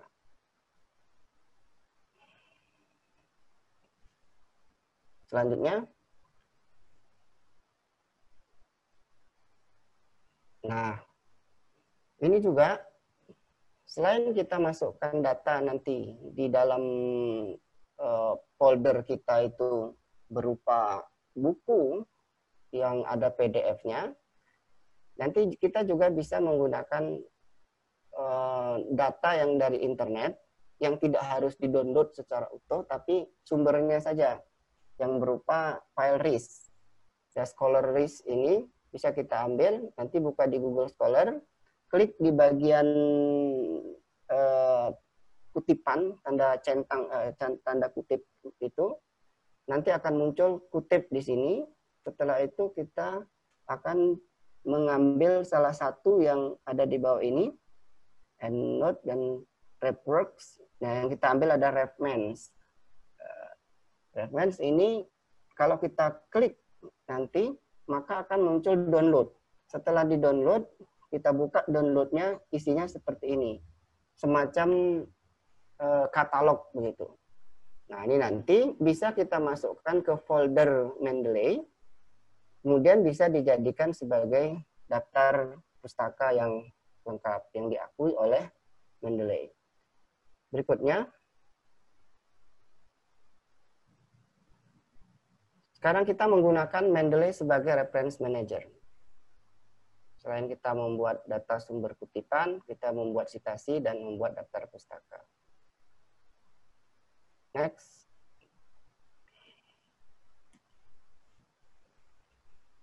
Nah, caranya yang pertama adalah buka uh, artikel yang Anda buat di MS Word.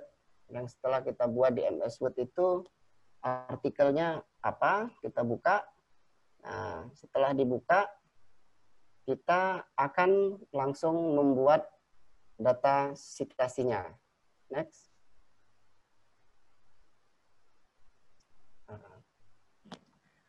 Nah, seperti tadi yang kami sampaikan bahwa kalau sudah terinstall Mendeley berarti sudah jelas di sini akan terlihat ada gambar Mendeley-nya, insert citation. Kemudian insert bibliografi, lalu open Mendeley dan seterusnya yang lengkap ada di bagian khusus di sini. Nah, cara pertama yang harus kita lakukan adalah membuat kutipan. Jadi kita tulis dulu, misalkan ini sudah saya tulis. Setelah ditulis, letakkan kursor di bagian terakhir, eh, bagian yang mau kita jadikan sebagai sumber kutipan itu. Eh, seba, dijadikan sebagai data sumber. Kemudian kita klik insert citation, maka akan muncul dialog seperti ini. Klik saja OK. Nah, kalau sudah, next. Ya, lanjut. kalau sudah nanti kita akan um, membuat data lagi next. Kita akan dikembalikan ke Mendeley-nya, lalu kita cari. Nah tadi tuh ngutipnya mau ke mana gitu. Kita akan mau ngutipnya ke mana, ke buku siapa, punya siapa. Kita klik, setelah kita klik nanti akan muncul langsung seperti ini datanya. Muncul, oh tadi bukunya Jamaluddin misalkan. Oh berarti akan muncul langsung begini. Kemudian yang satu lagi Erwin Shah misalkan. Nah, bisa langsung ada di bagian paling akhir. Setelah kita lengkapi semuanya, mau kita jadikan sebagai referensi atau sebagai sumber e, daftar pustaka kalau di kita, maka daftar pustaka itu bisa langsung kita klik bagian insert bibliografi. Kita insert bibliografi jadinya next. Nah, jadinya seperti ini. Daftar pustaka, ini tadi bukunya Jamaluddin, 8, eh, 2008. Nah, ini lengkap karena semua itu sudah ada di eh, aplikasi Mendeley yang pertama tadi. Nah, ini juga Erwin Shah, lengkap datanya. Nah, ini diakui oleh Mendeley sebagai data yang resmi dan biasanya beberapa artikel yang diminta oleh uh, web uh, jurnal itu diharuskan menggunakan aplikasi Mendeley walaupun tidak semuanya. Biasanya ada juga yang menggunakan Zotero atau Repworks atau uh, EndNote. Belakangan ini banyak yang suka menggunakan EndNote katanya. Tapi menurut saya Mendeley jauh lebih lengkap dan lebih mudah untuk diaplikasikan. Meskipun cara menjelaskannya juga agak sulit, jadi mohon maaf. Biasanya kita orang jurnal itu kan kebanyakan kerja daripada bicara. Oke, terima kasih. Baik, Assalamualaikum warahmatullahi wabarakatuh.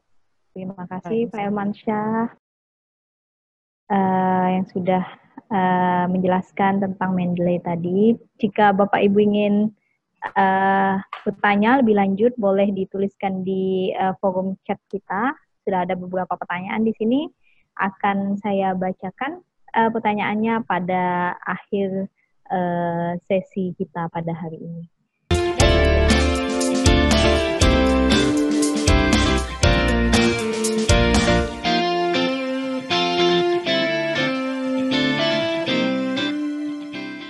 Baik, untuk selanjutnya kita langsung saja ke narasumber terakhir kita. Ini ada Ibu Alda Cendekia. Uh, nama lengkapnya adalah Alda Cendekia Siregar, Eskom MSc. Di sini uh, Bu Alda ini adalah spesialis di bidang komputer ya. Uh, Bu Alda di sini saat ini merupakan dosen teknik informatika di Universitas Muhammadiyah Pontianak yang mana Bu Alda juga uh, menjadi uh, editor in chief pada jurnal Cybernetics yaitu salah satu jurnal di Universitas Muhammadiyah Pontianak. Uh, bagaimana Bu Alda sudah siap? Kita langsung saja. Ya siap Bu Dewi. Ya baik, uh, kita lang langsung saja ke Bu Alda. Silakan Bu Alda, waktu dan tempat dipersilahkan.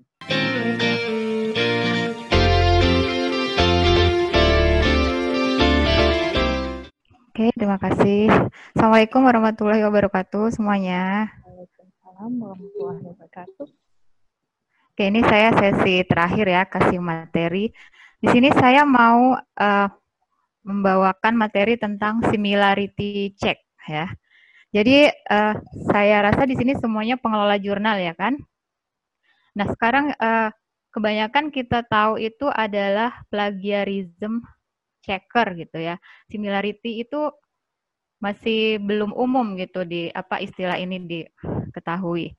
Nah, sekarang uh, oke okay, next kita masuk ke slide berikutnya. Kita uh, bicara tentang dasarnya dulu ya. Kita kan bicara tentang similarity check. Similarity check itu untuk mengetahui apa? Untuk mengetahui plagiarisme gitu. Nah, plagiarisme itu apa sebenarnya gitu. Nah, menurut Oxford English Dictionary ya, uh, di sini uh, Oxford English Dictionary dengan keras ya menyebutkan bahwa plagiarisme itu adalah perampasan ya. Perampasan dari apa? ide-ide atau ekspresi dari ide seseorang dan kita klaim kemudian dipublikasikan gitu ya. Jadi ini adalah sesuatu kejahatan gitu kan karena sifatnya perampasan dan mempublikasikan yang bukan miliknya gitu. Oke, okay, next. Nah, kemudian uh, untuk apa kita melakukan similar, similarity checking ini? Ya, yang pertama ya itu untuk mengetahui apakah uh, dokumen itu ada unsur plagiatnya atau enggak. Tadi kan kita sudah ketahui bahwa plagiat itu adalah perampasan ide, ekspresi, kalimat ya, kalimat orang kemudian kita klaim dan kita publikasikan. Kemudian di dalam dunia perjurnalan ya, untuk apa kita melakukan uh, plagiarism checker in, checking ini itu. Yang pertama ini adalah uh, job desk atau hal yang pertama dilakukan oleh seorang editor ya. Ketika ada artikel masuk submit, hal yang pertama dilakukan adalah melihat apakah dokumen atau artikel itu sudah pernah dipublikasikan ke jurnal atau uh, proceeding online lainnya gitu ya. Jadi supaya tidak uh, apa namanya terjadi double publish. Nah, ini adalah hal pertama yang dilakukan oleh editor. Jadi uh, dia akan melakukan uh, cek plagiat dari artikel yang masuk pertama kali. Nah, untuk hal ini itu setiap jurnal akan menerapkan standar yang berbeda-beda ya. Contohnya untuk jurnal cybernetik yang saya kelola, itu kami menerap, menerapkan standar 25% similarity di bawah ya, di bawah 25% similarity yang akan masuk ke tahap uh, review reviewing gitu, tahap selanjutnya. Nah, se selebihnya ya di 25% ke atas itu akan di reject ya. Jadi tahap pertama adalah apa namanya? sortir, menseleksi tingkat plagiarismenya. Jadi ketika 25% ke atas udah langsung di reject, nggak akan masuk ke proses uh, reviewing gitu. Kemudian yang berikutnya adalah ini uh, ketika kita mau tahu bahwa artikel kita itu bebas dari plagiat atau plagiaris eh, similarity-nya rendah gitu ya, 25% ke bawah, ya itu akan membuat kita tenang gitu ya. Oh, oke, okay, jadi artikel saya ini aman ya. Nah, de, berangkat dari situ itu uh, apa namanya? Uh, uh, artinya ya, artinya bahwa artikel kita itu tidak ada yang menjiplak atau tidak ada yang mengklaim ya jadi sifatnya uh, apa ketika kita tahu apa setelah dicek gitu ya, setelah dicek oke okay, aman dari plagiat bahwa artikel kita belum ada yang ngeklaim, ya itu kan berarti salah satu bentuk perlindungan gitu. Oke, okay, jadi artikel kita aman ya. Jadi setelah kita mengetahui bahwa artikel kita tidak ada yang apa menjiplak itu itu akan membuat kita merasa tenang, aman baik uh, untuk autornya sendiri maupun si penerbitnya gitu. Karena kalau ada yang uh, double claim eh double double publish gitu ya. Jadi satu artikel ini publish di jurnal A juga, di jurnal B juga. Nah, itu bukan hanya autornya yang kena sanksi gitu ya, tapi si penerbitnya juga, jurnalnya juga yang akan mendapatkan sanksi. Kemudian yang kedua adalah uh, cara bagi editor untuk uh, memberitahu pengarang ya, untuk uh, memberitahu pengarang dan memastikan reputasi terbitan mereka ya. Jadi ini penting untuk setiap pengelola jurnal, jangan sampai ada uh, pengelola jurnal yang men-skip tahapan ini gitu ya. Jadi pastikan semua artikel yang publish di jurnal kita itu bebas dari plagiat ya kan karena membawa nama baik jurnalnya sendiri.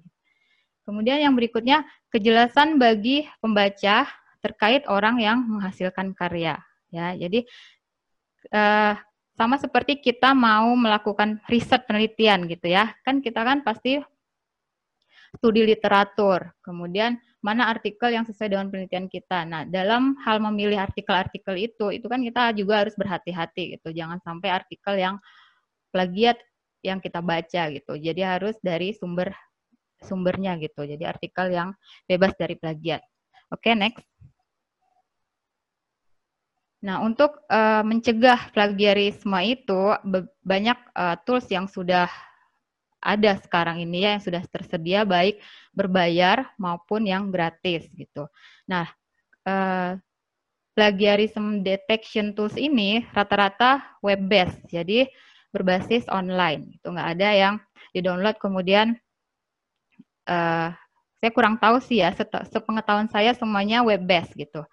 Nah, salah satunya uh, ada beberapa di sini contohnya yang pertama adalah Turnitin ya.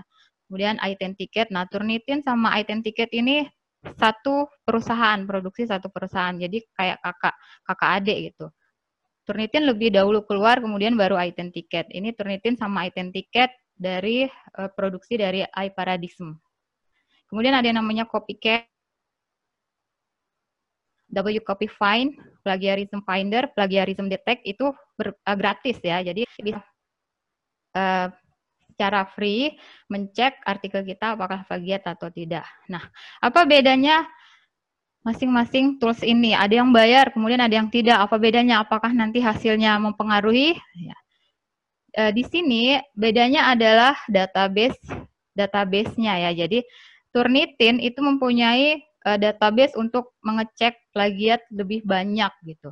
Jadi Turnitin sama Identicate ini yang paling uh, paling sering digunakan sama ya, institusi pendidikan ya seperti kampus atau sekolah-sekolah ya. Jadi mereka pakainya Turnitin atau Identicate. Nah, tidak terkecuali juga para pengelola jurnal ya karena mereka apa namanya mengecek artikel yang sifatnya ilmiah gitu. Nah, sedangkan yang gratis ya, gratis ini bukan berarti dia jelek ya. Dia hanya uh, prinsipnya ya, prinsipnya adalah plagiarism detection itu kan kita membandingkan kemiripan artikel yang mau kita cek dengan beberapa banyak artikel yang sudah ada di database-nya si tools-tools ini gitu. Ya, jadi ketika database-nya semakin banyak ya, maka peluang kita menemukan plagiarismenya juga tinggi gitu. Tapi kalau database-nya sedikit ya sedikit juga hasilnya gitu. Jadi bedanya hanya itu saja gitu. Nah, rata-rata uh, jurnal yang uh, reputasi uh, bereputasi itu mereka meminta uh, apa namanya? report originality-nya itu uh, report plagiarismenya itu menggunakan ya Turnitin atau enggak Identicate ini gitu. Oke, okay, next.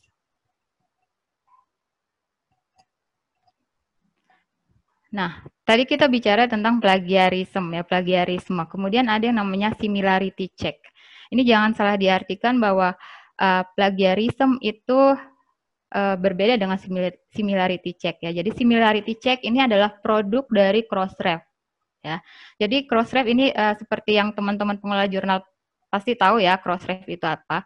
Ya, Crossref itu adalah lembaga pendaftaran DOI, Digital Object Identifier.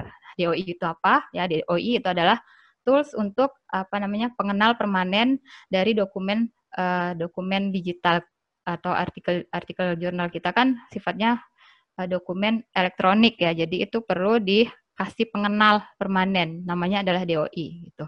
Nah, si Crossref ini punya service atau layanan yang banyak yang bisa teman-teman pengelola jurnal gunakan gitu.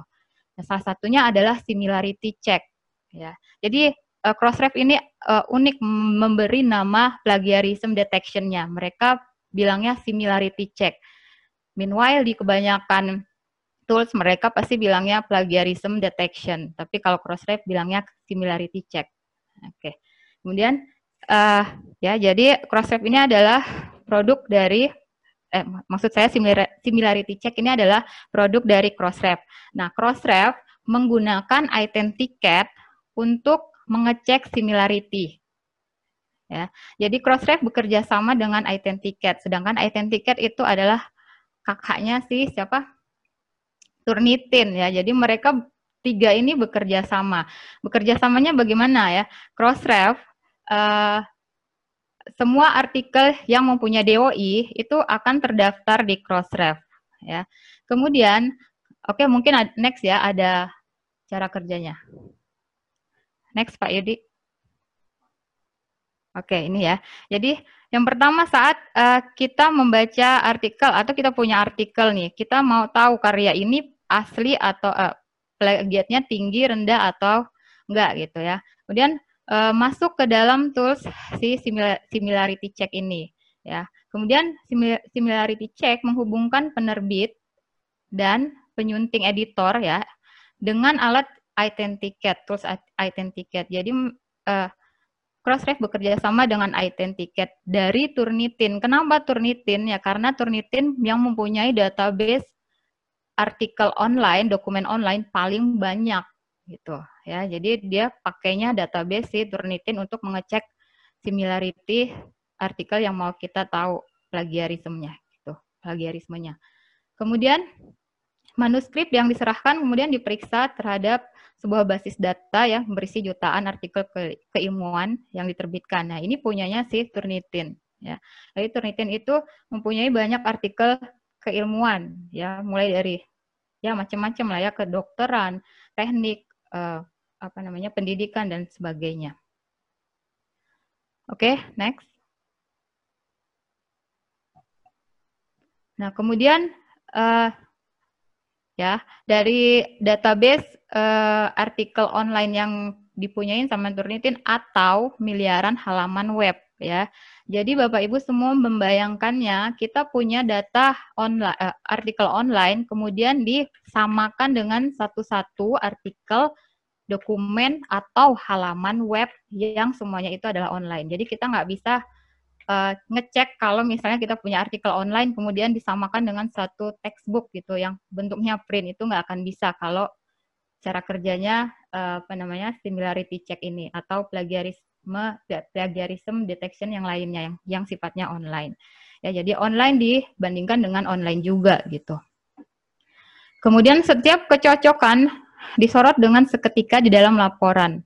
Ya jadi per uh, kalimat itu akan di scanning sama identikate ini, kemudian dicocokkan apakah mirip dengan uh, database yang mereka punya, baik itu blog, halaman web, atau dokumen-dokumen uh, yang sifatnya online. Ya, jadi mereka ngeceknya per kalimat gitu ya, per kalimat.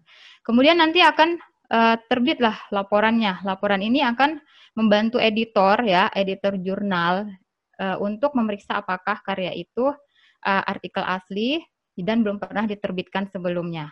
Nah, ini adalah uh, keputusan dari si editor apakah mau dilanjutkan artikelnya ke proses review atau stop uh, ditolak gitu, di reject. Ya, itu kesepakatan masing-masing jurnal ya. Jadi ada yang uh, similarity check 35% juga nggak apa-apa atau uh, 25% itu udah dianggap maksimal plagiatnya, seperti itu. Oke, kemudian next. Nah, kemudian similarity check uh, tools ini menyediakan akan menyediakan keyakinan bagi penerbit dan pengarangnya. Jadi uh, jelas gitu ya diagnosanya bahwa si artikel ini sakitnya apa gitu, plagiatnya seberapa banyak gitu. Nah, jadi uh, kalau misalkan ada uh, apa namanya author yang submit ke jurnal kita tapi dia tidak melampirkan uh, report originality-nya atau apa report plagiarismenya, di kami di cybernetic kami akan mengecek dengan cara seperti ini gitu. Nah, di sini saya cantumkan uh, link. Link ini reference mengarah ke linknya RJI, RJI Pusat ya. Di situ Bapak Ibu bisa menemukan bagaimana cara untuk berlangganan similarity check ini atau kalau yang belum punya uh, bukan anggota Crossref ya bisa juga di situ ya. Jadi kita harus uh, sebagai anggota Crossref dulu dan artikelnya punya DOI dulu, baru kita bisa apply si similarity check ini. Nah, di situ di link situ uh, semuanya lengkap. Nanti Bapak Ibu bisa klik aja di link tersebut. Oke, okay, next. Nah, ini adalah bentuk tampilan identiketnya. Jadi dia web based ya. Kita perlu login, kita perlu internet supaya bisa mengakses si identiket ini. Nah, ini berlangganan dan berbayar ya. Jadi ketika kita sudah punya akun, maka uh, log login tampilannya akan seperti ini ya. Di sini tampilannya eh, yang tampil di sini adalah artikel-artikel yang sudah saya cek plagiatnya. Kemudian ada kolom report di situ ya, ada 17%, 40%, 29%, itu adalah indeks similarity similarity-nya. Jadi seberapa besar kemiripannya uh, misalkan 17% yaitu kemiripannya dengan artikel-artikel lain uh, 17%. Nah, kemudian di submit a dokumen itu ada pilihan upload a file, jadi kita mengupload filenya satu-satu atau rombongan nih, zip file upload. Kadang kan kita males nih ya, ngeklik satu-satu. Sedangkan yang submit di kita banyak gitu, misalkan ada 10. Ya udah 10-10-nya itu dimasukkan ke dalam dikompres ke bentuk zip ya, zip file, kemudian diupload. Nanti uh, akan tergenerate sendiri di My Document ini. Jadi uh, apa namanya 10-10-nya itu akan langsung dicek plagiatnya. Jadi nggak perlu satu-satu. Nah enaknya ticket seperti itu. Tapi kalau yang lain saya nggak tahu ya mungkin ada juga menunya. Oke, okay, next. Nah, ini uh, adalah kolom-kolom yang perlu kita isi sebelum kita uh, apa namanya melakukan cek plagiatnya ya. Jadi harus ada uh, ini sebenarnya tidak harus sih, cuma supaya rapi aja biasanya kita isi. Jadi author first name-nya siapa, last name-nya siapa, dokumen title. Nah, kalau misalkan di jurnal yang sifatnya blind review, kalau uh, cybernetic itu kan blind review ya. Jadi sebelum masuk ke tahap ini, kita hapus dulu semua identitasnya. Ya, jadi kalau di Word, uh, Microsoft Word itu ada uh, menu inspect element, kemudian hapus header, footer, dan identifier lainnya. Jadi dihapus dulu, baru kemudian kita masukkan ke apa namanya ticket ini. Oke, okay, next. Nah, uh, ini adalah hasil dari uh, screening uh, apa namanya plagiatnya ya. Jadi bagaimana hasilnya ya seperti ini. Nah, itu kalimat-kalimat uh, yang di bold atau diwarnain itu adalah terdeteksi plagiat ya.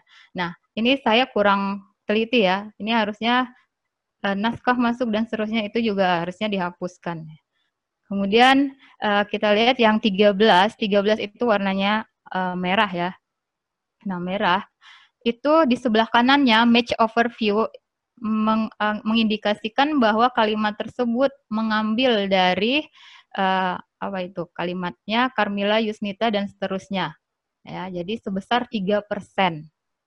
Nah jadi uh, ini juga berguna sebenarnya kalau misalkan buat uh, apa namanya kita mau apply mau apply atau publish ke satu jurnal ya. Kemudian kita mau tahu nih kalimat kita ini mirip nggak dengan uh, apa mirip dengan orang lain apa enggak gitu ya. Jadi ketika udah tahu begini ya segera di parafrase atau diganti kalimatnya gitu ya. Jadi ini berguna selain untuk mengelola jurnal juga buat dosen yang mau publikasi ke jurnal lain gitu.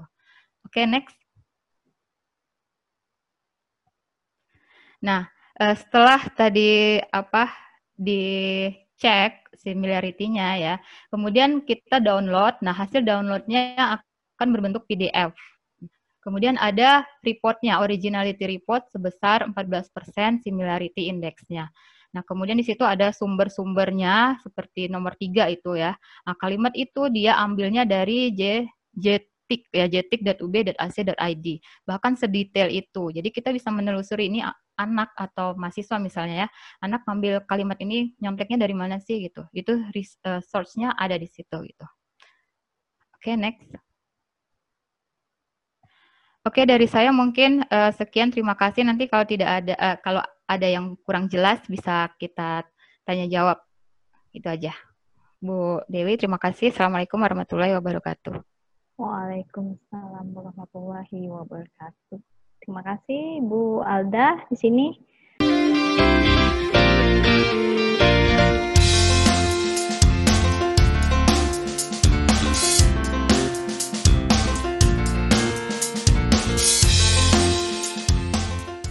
Uh, pada siang hari ini sudah kita simak bersama-sama keempat materi kita um, dari uh, narasumber-narasumber kita. Uh, Bapak-bapak dan ibu-ibu dan juga rekan-rekan pengelola jurnal yang juga menyaksikan webinar ini melalui akun YouTube RJI kita, uh, kami mohon dan silahkan untuk klik uh, like dan juga subscribe di situ sebelum uh, saya atau kita akan melanjutkan pada pertanyaan-pertanyaan yang sudah masuk melalui akun chat di sini. Nah, uh, di sini uh, pada chat di sini uh, sudah banyak yang mengajukan beberapa pertanyaan akan kita uh, jawab satu persatu. Yang pertama dari Ibu Nur Azizah Syahrana Di sini uh, Ibu Nur Azizah menanyakan tentang bagaimana dalam membuat double blind, terutama menyembunyikan data reviewer, dan apa tindakan kita kalau misalkan reviewer merekomendasikan untuk ditolak. Nah, uh, hampir sama juga pertanyaannya dengan Pak Fahgu, bagaimana cara mengaktifkan double blind uh, review di OJS 2, yaitu di mana? Uh, di sini langsung saja dijawab pertanyaannya Pak uh, Yudi atau Bung Ibra dipersilahkan karena uh, materi ini berkaitan dengan uh, Bung Ibrar ya. Bung Ibrar boleh masuk atau Pak oh, iya. Yudi? Ya, boleh. silahkan. Ya. Terima kasih atas pertanyaannya tadi membuat double blend review ya. Sebenarnya double blend review itu ada dua persepsi ya Bapak Ibu. Tadi dari Ibu ya. Ada dua persepsi. Yang pertama tadi udah dijelaskan oleh materi Mbak Alda di inspeksi ya. Terus nanti ada klik uh, dihapus semua nama uh, dari footer maupun headernya ya kalau nggak salah saya tadi yang saya dengar. Kemudian yang kedua itu bisa dilakukan di OJS 2 maupun OJS 3 yaitu kalau pada OJS 2 mungkin saya tampilkan dulu ya biar lebih jelas eh, mana ya yang ambil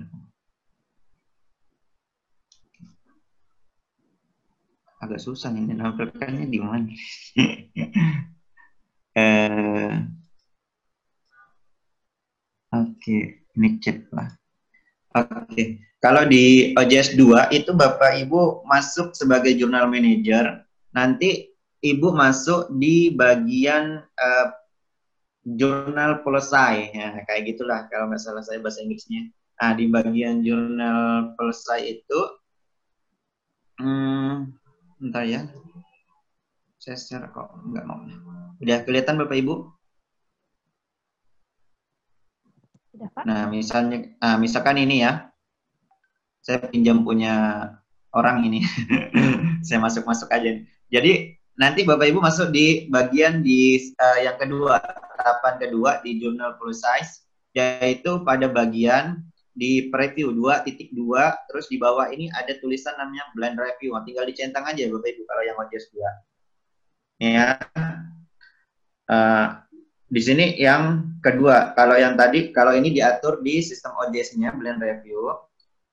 Kalau yang tadi, yang pertama itu kita menghapus di naskahnya. Nah, keseringan di naskahnya ini yang ya, tidak kita hapus, padahal blend review juga berlaku pada naskahnya. Jadi ketika diaktifkan gini, jadi dia tidak bisa melihat namanya, kemudian di naskahnya juga dihapus semua identitas dari penulis. Nah, kemudian kalau di OJS 3, Bapak Ibu, aduh. Nah, di OJS 3, Bapak Ibu masuk di bagian uh, setting, di workflow, itu di bagian uh, review. Nah, di bagian review, nanti Bapak klik aja di sini ada blend review, kemudian paling bawah ini ada pilihan double blend. Nah, di sini ya ada double blend, bisa mau blend, double blend, blend ini artinya single satu aja satu reviewer. Kalau double blend berarti dua orang, di open ini bisa dua orang ya. Tapi kebanyakan dipakai double blend, artinya jika antara satu orang setuju dan satunya tidak, maka nanti kita akan memasuki ronde kedua. Ronde kedua akan kita serahkan kepada review yang ketiga untuk memutuskannya lagi. Nah, jadi double plan review ini dua orang, dua orang reviewer. Jadi kalau dia nanti satu orang saja, nanti kita akan ragu. Biar bilangnya uh, as, uh, accepted ya, udah kita ikutan accepted. Jadi tidak ada pembanding gitu loh Bapak. Maka kita gunakan double blend untuk ada pembandingan antara penilaian reviewer satu dengan reviewer dua begitu Bapak Ibu. Nah, ada pertanyaan kembali. Ini OJS 3, tadi OJS 2 ya Bapak Ibu. Ya. Tadi ada pertanyaan lagi. Nah, apa tindakan kalau nggak salah ya Mbak, Mbak moderator? Ya, ya, tindakan kalau misalkan reviewer merekomendasikan untuk ditolak. Nah, apa tindakan yang harus dilakukan? Kita harus patuh. Ya. Misalnya dua reviewer ini Bapak Ibu, tadi kan kita udah jelaskan kalau bilangnya dua reviewer udah menolak masa mau editor mau me menerima kan tidak mungkin nah gitu pastinya kan itu namanya ada konflik kepentingan nanti. Tahu-tahu nanti editornya kena sogok ya, nggak boleh kayak gitu. Nah, artinya kita harus bermain adil, adil uh, antara naskah yang satu dengan yang lainnya. Kalau dia reviewernya dua menilai menolak, artinya kita harus menolak. Tapi jika ada salah satu dia menerima, kemudian atau merevisi suruh merevisi sedangkan satunya menolak, itu masih kita perlu pihak ketiga. Ya, perlu pihak ketiga lagi yang akan menentukan apakah dia diterima atau tidaknya. Nah, nanti keputusan ketiga itulah dia yang akan menjadi penentu untuk semuanya. Jadi uh, editor itu cuman apa ya kayak uh, mengambil kesimpulan dari uh, reviewer gitu, dari pendapat para reviewer tersebut. Begitu Bapak Ibu. Terus kayaknya tadi ada pertanyaan lagi ini banyak nih. kita nah, tadi, dulu. Ya. Ya, cara mengaktifkan tadi sudah ya. Kemudian ya. apa yang diharus apa yang harus dilakukan? Apa ini pertanyaan ketiga ini? Saya lupa tadi menyimak. Yang kedua apa tindakan Di, kita? Kemudian juga ya yang berhubungan yang... dengan OJS ini, Bung Ibral, uh, dalam satu publikasi ya dari rekan Martin Sianipar yaitu pengelola jurnal Marker dari STIE Sultan Agung mm-hmm. bertanya tentang uh, dalam satu publikasi di nomor penerbitan yang sama boleh sebagian diupload quick submit dan sebagian mengikuti proses OJS ya apakah boleh Bung Ibral? Oh, jadi gitu. Uh, sebenarnya saya tidak menganjurkan.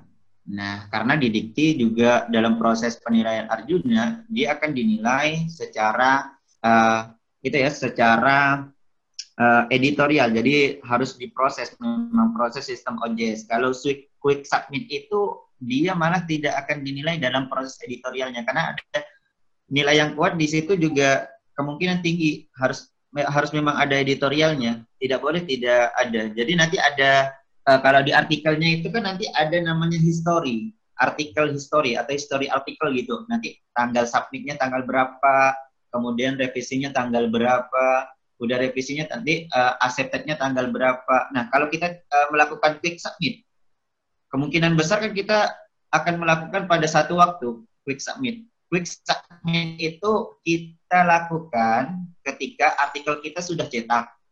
Nah, jadi ada artikel-artikel yang lama ini mau kita publiskan. Oke, kita publish menggunakan quick submit. Jadi artikel-artikel yang terdahulu gitu Bapak Ibu artinya. Artikel yang misalnya edisi yang belum ada EISSN itu mungkin boleh dilakukan quick submit begitu. Jadi usahakan untuk mengikuti proses manajemen atau proses OJS. Nanti artinya dapat full daring sistem OJS gitu penilaiannya. Oke, ada pertanyaan lagi? lanjut masih ya, Bung Ibra. Uh, iya. Dari Bu Erwina ini, uh, tadi ada mendengar tentang pengurusan EISSN pada penerbitan pertama atau kedua. Sama ya, Oh, pener, uh, proses EISSN ya?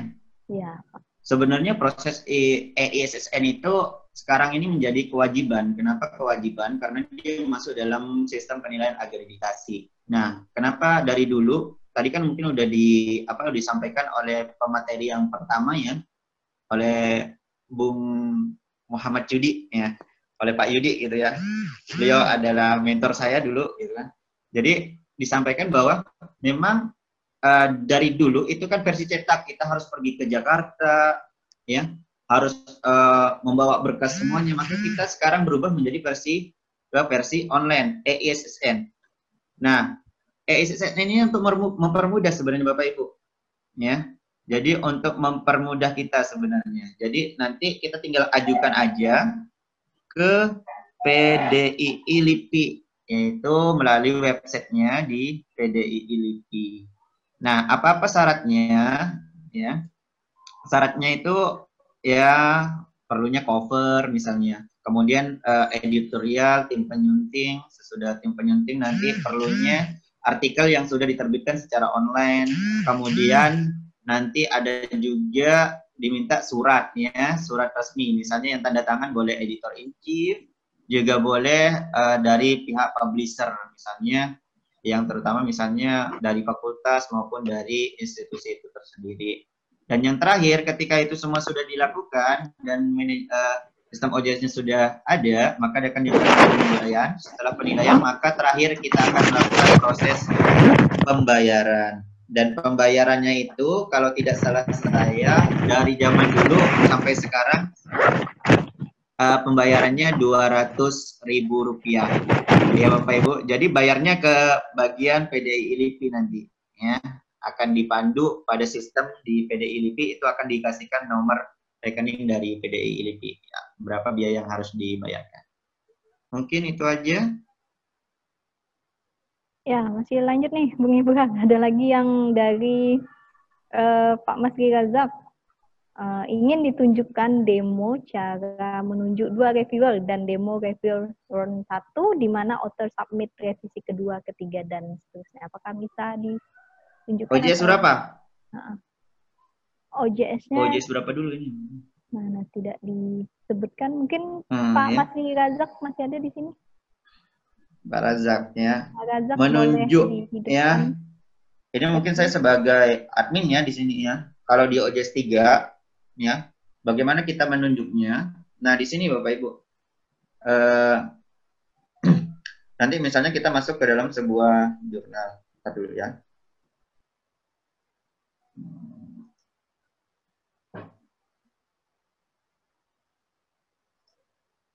Nah, ini kan Misalnya nih yang udah aktif nih, Bapak Ibu. Nah, yang udah review aja deh. Eh, nanti ketahuan nanti reviewernya ini. nah, oh takut saya ini, takut ketahuan saya reviewernya. Jadi, kayak begini aja. Uh, jadi kita ambilkan dari yang submission aja ya. Misalnya ini submission.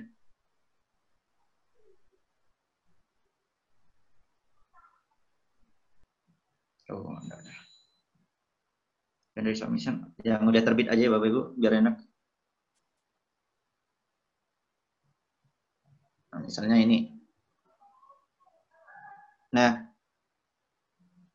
saya akan tunjukkan uh, caranya. Jadi dia di sistemnya di saat dia send to review. Nah, ini kan udah publish ya Bapak Ibu. Jadi nggak apa-apa lah kita buka sedikit-sedikit. Nah, Nah, di sini kita akan menunjukkan reviewernya Bapak Ibu. Ya, kalau di OJS 3. OJS. Ya. Maaf, uh, Bung Ibrahim, OJS Di OJS 3 itu di sini. OJS, OJS 2. Ya. Jadi. Udah kelihatan ya Bapak Ibu? Belum. Jangan belum. saya jangan terlalu lama ya, tampil nanti di YouTube ini. di OJS 2, Bung Ibrahim. Ya. OJS 2. Kata Ini OJS 3 ya. Nah, kalau OJS 2 ini kebetulan punya seseorang ya dari Pontianak. Bang. Saya pinjam aja sih. Ya. Tampilannya belum Nah, ini OJS uh, 3, ya OJS 2. Kalau di OJS 2 itu tampilannya sebenarnya tadi di PowerPoint saya ada. Share screen-nya, share screen-nya ya, Tapi kalau mau di jurnalnya itu bisa di bagian uh, review. Jadi di bagian review itu nanti misalnya ini ya. Aduh, jurnal manager.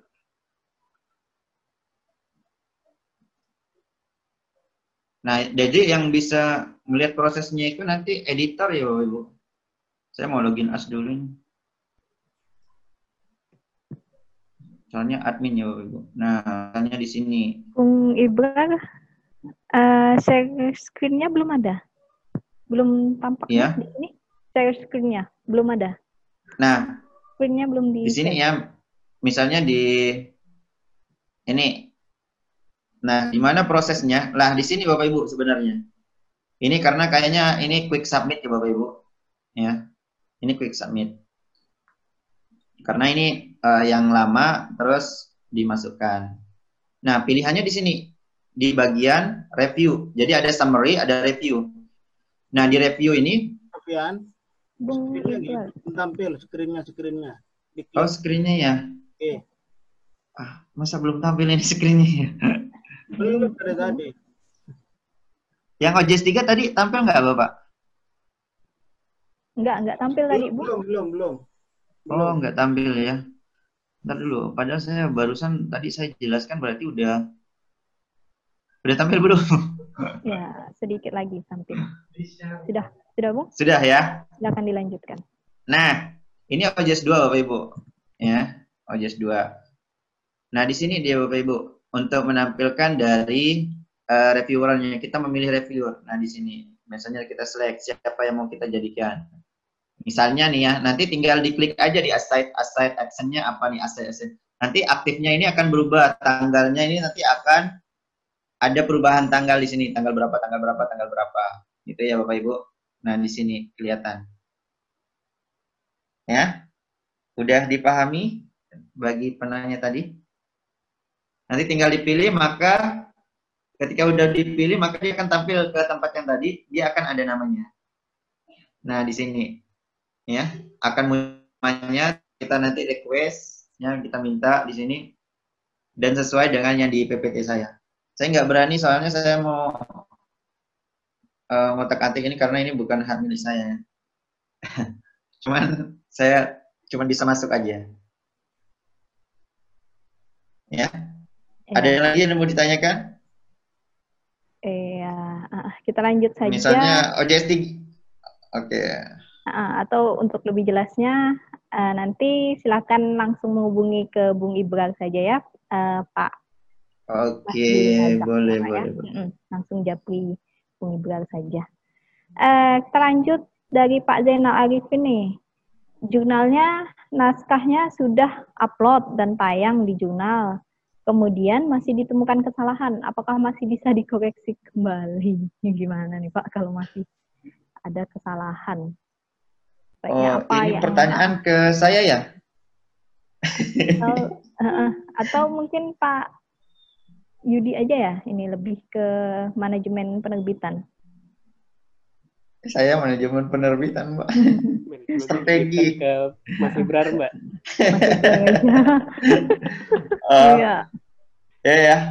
Jadi uh, jadi kalau sudah terbit ya, Bapak Ibu, uh, itu jangan langsung kita apa namanya kita tarik kembali, itu tidak boleh.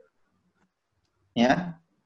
Karena itu ada aturannya, ada retraction namanya. Nanti ada retraction nanti mungkin bapak ibu e, bisa baca buku manajemen publikasi dari Kemenristek Dikti ya. Karena saya e, pernah baca di situ itu kita tidak boleh semena-mena kita menarik terus kita publish lagi. Itu tidak boleh. Itu ada etikanya. Jadi etika mempublish. Jadi pada saat terakhir ke pada proses proofreading sama layout itu memang benar-benar harus sudah fix gitu ya. Itu yang perlu di, uh, di uh, diperhatikan. Jadi memang harus benar-benar fix bapak. Bapak atau ibu ya? Bapak atau ibu tadi ya? Ya jadi memang harus benar-benar fix di situ jadi tidak boleh kita menarik sembarangan ya. Itu ada aturannya. Jadi ada aturan retraksi apalagi ya namanya saya agak lupa. Nanti bapak ibu bisa baca di buku aturan uh, manajemen publikasi terbaru dari Dikti saya kemarin ada download tapi saya lupa di mana saya naruhnya. Uh, ya tentang uh, itu manajemen publikasi dari Kemenristek Dikti. Nah, Vivian, kalian mau tanya bu, bu Uh, iya Pak. Nah, silakan oh, iya, Pak. Pak Tohir, uh, Muhammad Tohir. Silakan, Pak. Yang apa? Yang menarik kembali itu ke, ketika sudah publish itu. Kalau misalnya yeah. uh -uh. mahasiswa yang submit yeah. ke jurnal A, kemudian yeah. sudah publish, setelah publish ternyata ada komplain dari fakultasnya. Supaya oh, fakultasnya. Fakultasnya. Karena tidak yeah. dicantumkan uh, pembimbingnya gitu di furnis kedua dan ketiga gitu. itu gimana Pak kalau terjadi seperti itu? Dan dan waktu kita minta untuk mencabut artikel itu gitu. Oh, mencabut artikel itu ya. Iya. Nah, kalau itu ya sebenarnya bukan kesalahan dari penerbit ya sebenarnya. Iya, benar. Uh, berarti errornya itu pada saat ada penulis ya, karena kan uh, seharusnya kita udah konfirmasi di akhir udah benar atau tidak gitu. gitu. Makanya Makanya pada saat pertama kali Bapak itu harus mempunyai yang namanya uh, surat pernyataan Bapak. Ya, surat pernyataan. Nah, di surat pernyataan itu kalau dia mengklaim maka Bapak bisa ngajukan ke hukum. Makanya ditanda tanganin materai 6000, Pak. Oh iya. Jadi tanda tangan enam ribu. Jadi di situ ada uh, pernyataan statement tentang uh, penulis, nama-nama penulis siapa saja. Nah ya. Jadi nanti kalau mereka komplain, tidak komplain ke jurnal Bapak. Jadi gitu. Jadi namanya sesuai dengan di surat pernyataan. Kalau diajukan ke hukum, Bapak bisa menang. Okay. Ya. saya saya nggak ngajarkannya, tapi memang memang memang Iya, tapi memang harus ada kayak gitu ya. Jadi sebelum mereka apa nama? Jadi ada semacam kalau yang di jurnal kami itu ya biasanya kami masuk tidak masukkan di web, tapi ketika itu kami akan membalas tolong sesuai uh, masukkan kembali di supplementary file tentang surat pernyataan. Jadi kalau yang di Kemendikti Dikti kalau sekarang BRIN ya. Jadi itu ada tiga surat, ada pernyataan penulis, kemudian ada keterlibatan penulis, ya. Kemudian yang terakhir itu ada hak cipta, penyerahan hak cipta. Nah, di situ Bapak Ibu. Nah, semuanya saya kasih materai semua. Ya, jadi nanti kalau ada kesalahan mereka nonton saya, oh saya udah ada bukti gitu kan. Nah, begitu. Jadi tidak salah pada tim penerbit, tapi uh, bisa salah pada uh, autor pada saat konfirmasi di awal terakhir begitu ya. Okay, terima kasih. Okay. Baik, terima kasih uh, Bung Ibral. Selanjutnya uh, pertanyaan tentang yang berhubungan tentang Mendeley nih, Pak Elman Syah. Nah, jadi uh, kita lanjut dulu ke Mendeley, uh, Bung Ibrahim ya, ke Pak Elman Syah. Pertanyaan dari Pak Maski Razak lagi nih, apa bisa demo ditunjukkan cara edit style Mendeley, misalnya memodifikasi style Harvard, khususnya bagian book section dan tugas akhir? Pak Elman Syah. Pak Mas Razak minta ditunjukkan demo cara edit style Mendeley. Dan pertanyaan selanjutnya adalah bagaimana memperlakukan referensi buletin atau majalah dari terbitan lembaga profesi di Mendeley? Apakah sebagai magazin, uh, magazine atau artikel, mengingat majalah juga punya volume dan nomor terbitan? Mungkin pertanyaan ke silahkan dijawab, Pak. Terima kasih. Tadi pertanyaannya bagaimana demo untuk uh, mengedit dari Harvard ke apa? Uh, ya. apa? Nah di sini kan sudah ada uh, uh, apa namanya tools yang terkait dengan situation style. Nah bisa diklik di sini tapi ini untuk di awal. Kalau untuk di akhir untuk di uh, bukunya itu ini tampil nggak buku saya ini ya? Nggak ya? Kalau belum tampil, ini Pak. Di, ya? Belum tampil Pak. Oh belum ya? Uh, ntar saya ambil di bukunya proposal disertasi. Ah ini sudah ya? Ya sudah Pak. Kalau yang tampil di sini, kita bisa langsung mengedit. Nah, ini kan tadi saya beri contoh, ini sudah model Harvard. Ini mau saya edit ke model yang lain. Nah, di sini kan ada. Tinggal pilih di bawah lambang ini ada term right ini. Kita tinggal pilih model apa yang mau dipakai apakah model uh, American Political Science Association atau model yang lain. Kita bisa juga pakai yang uh, asas misalkan seperti ini. Kita tinggal klik saja sudah berubah secara langsung. Nah, kita kembalikan ke model uh, yang seperti biasa seperti Harvard tadi juga bisa langsung berubah lagi. Coba diperhatikan. Nah, perubahannya seperti ini aja. Ini untuk yang demo perubahannya. Jadi caranya tinggal di blok yang sudah kita bentuk tadi, yang kita buat tadi. Kemudian di sini tinggal diklik bagian uh, stylenya ini, tinggal, tinggal kita pilih mana yang mau kita pakai. Setelah dipilih, dia akan berubah sendiri. Nah, ada perbedaan antara yang pertama tadi dengan yang sekarang. Nah, ini model IEE, model i3. Oke, ini untuk pertanyaan yang pertama. Sekaligus tadi pertanyaan yang kedua, Bu ya? Iya, Pak. Ya. Baik, selanjutnya. Suaranya kecil, Gi. Masih masih kecil Pak suaranya? Iya, Pak, kecil, Pak. Saya pegang aja mic-nya lah. Iya, Pak. Baik. Untuk yang kedua tadi apa Bu ya? Lupa saya. Uh, yang kedua ini bagaimana memperlakukan referensi buletin atau majalah dari terbitan lembaga profesi di Mendeley? Apakah sebagai magazine atau artikel? Mengingat majalah juga punya volume dan nomor terbitan, Pak. Bagaimana ya. jika bentuknya adalah majalah, Pak? Kalau kita itu, nah ini kembali ke aturan ya. Aturan eh, dari penulisan sitasi itu sendiri. Kalau kita punya aturan biasanya itu tetap berdiri sendiri ya. Tetap berdiri sendiri sebagai buletin ataupun sebagai magazine. Kalau misalkan sebagai buletin, eh, saya buat, ntar dulu.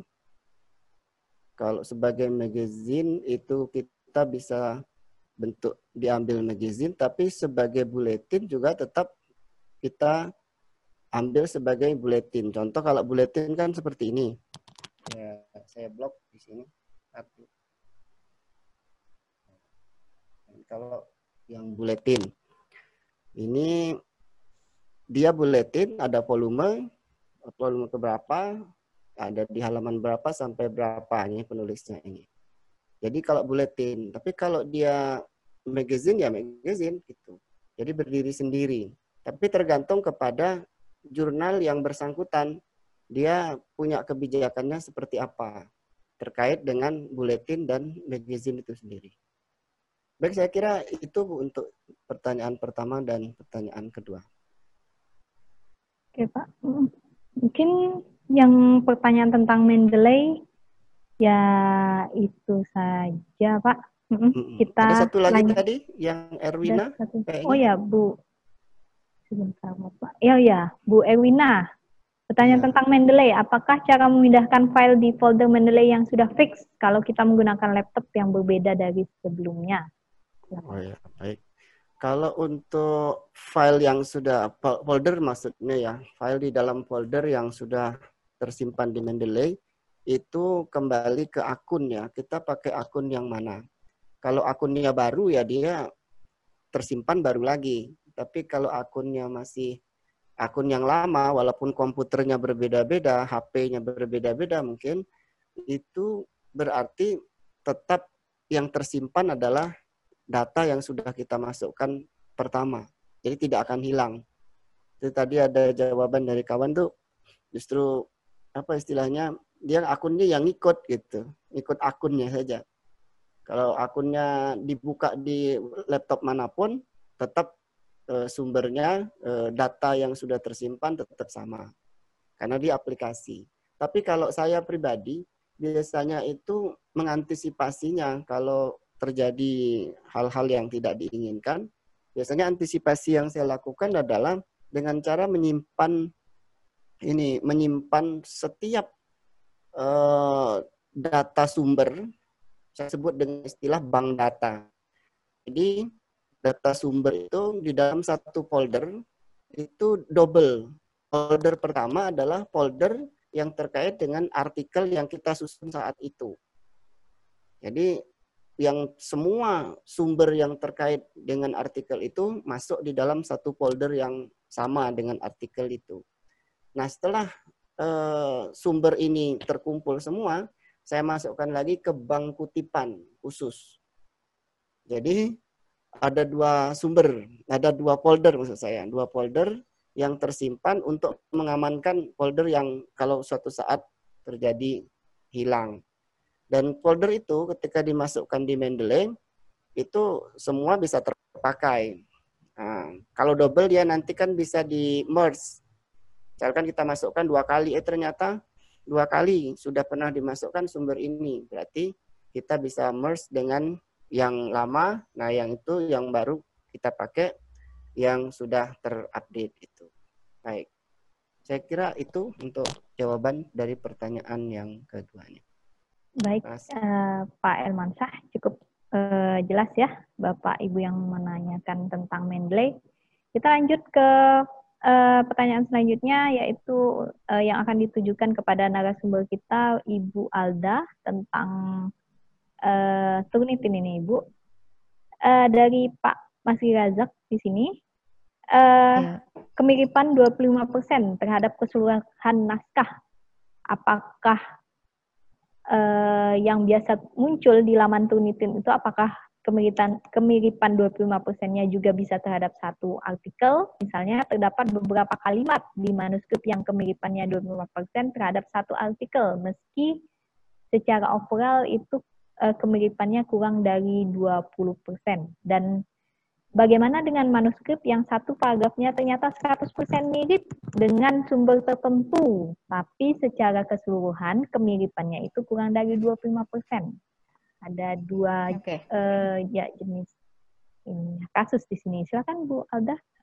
Oke, okay. uh, eh, yang saya tangkap begini ya pertanyaannya Pak Masri Razak. Uh, jadi ketika di scan plagiatnya, kemudian per kalimat itu misalnya similarity-nya 100%, tapi overallnya di bawah ya setelah semuanya di scan itu hanya 25% atau kurang. Nah, yang terjadi pada pengelola jurnal itu Pak, biasanya kami melihat dari overallnya, jadi tidak per paragraf atau per kalimat gitu. Jadi secara keseluruhan satu dokumen, satu artikel itu berapa sih uh, similarity-nya? Nah itu nanti yang dijadikan uh, patokan untuk uh, meneruskan artikel itu atau tidak gitu. Dianggap itu sebagai patokan plagiatnya. Jadi tidak per satu paragraf atau satu kalimat gitu, enggak. Kemudian ada lagi, Bu? Iya, kita lanjut ke pertanyaan kedua dari Pak Dadang ini ya, Bu Alda. Ya. Di sini Pak Dadang ini punya pengalaman nih dalam menerbitkan jurnal. Uh, ketika mendeteksi presentasi plagiarisme dalam suatu artikel, beberapa penerbit ada yang mencantumkan seluruh naskah artikel seperti daftar pustakanya juga. Nah, itu adalah kasus pertama. Tapi ada juga yang melakukan penyuntingan atau menghilangkan dulu daftar pustakanya baru melakukan pendeteksian begitu, Bu. Iya. Jadi yeah. ya ada okay. kedua kasus. Ya, ini Pak Dadang ya, Pak. Uh, yang saya lakukan di cybernetics itu Pak, tapi saya pernah juga ya. Jadi saya mencoba dua dua artikel nih. Yang pertama itu uh, saya tidak menghapus dap, uh, daftar pustakanya. Jadi referensinya tetap saya biarkan. Kemudian yang kedua itu saya hilangkan uh, referensinya ya. Uh, perbedaannya tipis tapi signifikan juga kalau untuk me, apa namanya mengetahui tingkat plagiatnya. Jadi yang saya tidak hapus itu sebesar 17% overall uh, similarity-nya. Kemudian ketika setelah saya hapus itu berubah menjadi 11% ya. Jadi ada apa namanya selisih 6%. Nah, kalau misalkan kita patok untuk jurnal kita menerima hanya 25% uh, ke bawah gitu ya. Dan uh, orang ini uh, tidak dihapus dapusnya tapi plagiatnya uh, 20 per 20 persen gitu ya. Nah itu kan agak mempengaruhi juga gitu ya. Jadi uh, ini tergantung dari jurnal pengelola jurnalnya masing-masing sih Pak. Nah tapi kalau di kami di saya saya hapus. Karena tidak ada indikasi plagiat sebenarnya kalau kita menyem, apa mengetik uh, apa namanya referensi ya kan? Karena nggak mungkin juga mengubah struktur daftar pustaka biar nggak plagiat caranya bagaimana? Ya nggak ada. Ya memang seperti itu bakunya gitu. Jadi ketika itu dianggap plagiat kan agak nggak masuk akal gitu. Jadi uh, ada baiknya itu dihapus dulu untuk menghindari hal-hal seperti ini gitu ada lagi Bu Dewi mungkin untuk uh, plagiarisme ini cukup itu saja Ibu. Nah, karena yeah. pertanyaan selanjutnya ini ada uh, pertanyaan Mbak. ya. Di YouTube, YouTube, YouTube. Iya, iya. Kita lanjut ke ya manajemen ini, ke manajemen. Bukan, ya. bu Ada yang bukan.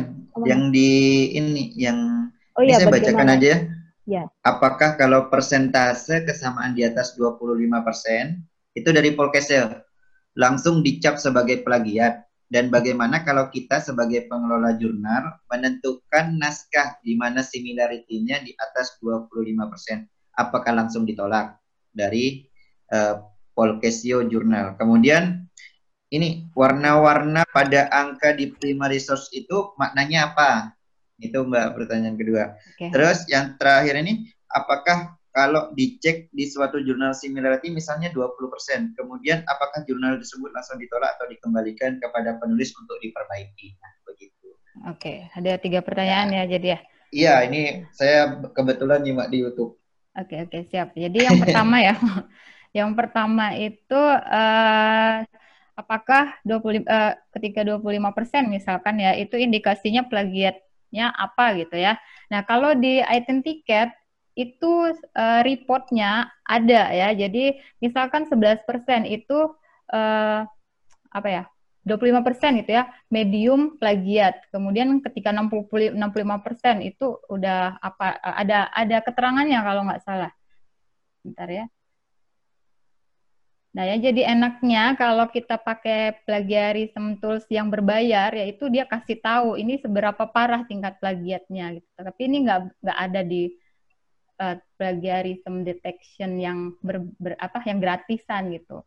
Jadi kalau yang berbayar itu ada dia kasih notif bahwa ini uh, kecil plagiatnya, kemudian sedang, kemudian tinggi ya. Jadi nanti terserah dari si pengelola jurnal aja apakah yang medium ini yang tingkat plagiatnya sedang ini mau diterima juga atau tidak gitu. Jadi kan kebijakan masing-masing pengelola beda-beda ya standar plagiat yang diterima atau enggak itu yang seperti apa. Itu yang pertama. Kemudian yang kedua tadi pertanyaannya uh, warna ya. Tanda warna di dalam item tiket itu dia hanya kasih tahu aja bahwa uh, apa kalimat pertama itu sumbernya A, kalimat kedua sumbernya B. Jadi setiap sumber yang berbeda itu akan diwarnain dengan warna-warna yang berbeda juga gitu. Oh, untuk kan biasanya ada maknanya, Mbak. Uh, biasanya kan ada warna merah, warna hijau, warna biru. Sebenarnya yang diperbaiki yang tingkat sama itu yang warna merah ataukah warna hijau itu gitu. Oke ya, jadi ya, itu ya. kita kalau mau memperbaiki lihat yang paling banyak uh, nilai oh. ininya gitu ya. Kalau kalau misalnya satu kalimat itu 25% ya perbaikin yang paling banyak yang paling gede-gede dulu gitu. Ya, jadi kalau oh, hanya satu persen, dua persen, seterusnya, itu sih strategi buat mengubahnya supaya plagiatnya nggak tinggi. Gitu.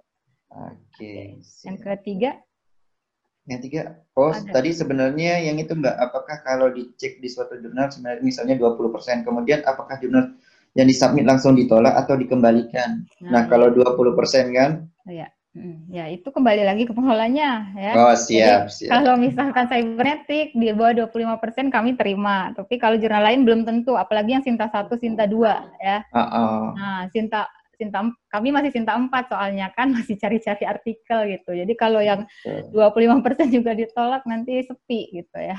Jadi yeah. itu tergantung masing-masing pengelola. Oke, sahabat YouTube berarti sudah dijawab di sini. Oke, silakan moderator. Oke, uh, uh, baik, uh, terima kasih. Uh, ada lagi pertanyaan di chat Zoom kita ini ini tentang penerbitan nih kayaknya nih kan. Uh, jadi uh, ketika artikel sudah yeah. Iya. uh, dari autornya sudah dikembalikan saat proofreading, kemudian apakah boleh dipublikasikan yeah. secara tidak berurutan artikelnya karena alasannya penulis yang nomor satu belum mengembalikan, apakah masih bisa diedit untuk disusun sesuai nomor halaman, jadi pengeditan nomor halaman ini. Yeah tadi pertanyaannya ketika artikel dari author sudah dikembalikan sama proofreading, apakah boleh dipublikasi secara tidak berurut artikel? Iya. Iya. Karena alasan penulis nomor satu belum mengembalikan. Uh, nomor satu belum mengembalikan, maksudnya Mbak bisa di apakah masih bisa diedit sesuai nomor halaman? Uh, mungkin raise hand aja beliau ini Mbak. Saya mungkin uh, Bapak Lanane kalau bis, masih hadir di sini bisa langsung Resen aja. Resen saja, ya langsung Pak. Iya. Ya, silakan Pak. Uh, jadi maksud saya itu begini, kita kan punya lima artikel. Iya.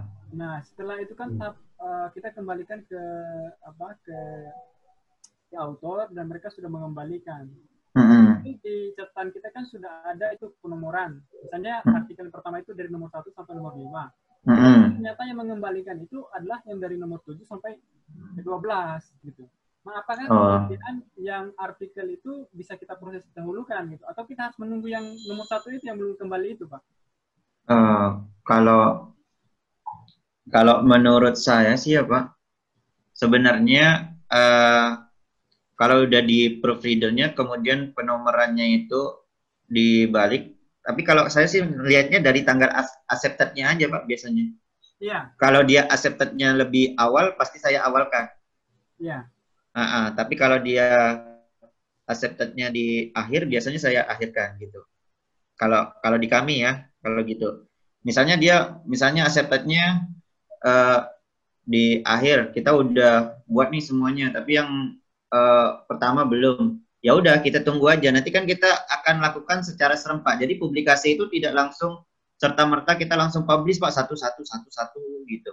Tapi ada juga sih misalnya kita publish dia namanya artikel impress kita publish dulu sebentar mungkin ada dua kita publish judulnya tapi belum layoutnya belum gitu ya hasil akhirnya belum gitu jadi cuman ada biasanya abstrak kemudian nanti di situ ada deskripsinya bahwa artikel ini akan diterbitkan misalnya sekarang ini bulan Mei mungkin akan diterbitkan bulan Agustus nah di situ dituliskan di deskripsinya Nah, nanti layoutnya kita nanti misalnya terbitnya tanggal 1, 1 Agustus nih. Ya. Nah, nanti kita terbitkan pada saat yang sama. Jadi kita masih ada waktu untuk pemberian nomornya. Jadi kita tunggu biar sama kita barengan langsung publish gitu pada saat pas tanggal sebelum uh, tanggal 1 itu gitu. Kalau enggak tanggal satunya itu gitu. Yang penting enggak lewat dari tanggal tersebut begitu, Bapak. Oh, ya. Makasih, Pak. Iya, sama-sama. Ya, makasih, Pak uh, Lanane. Uh, masih nih Bung Ibral. Satu lagi pertanyaan. Oh, iya, iya.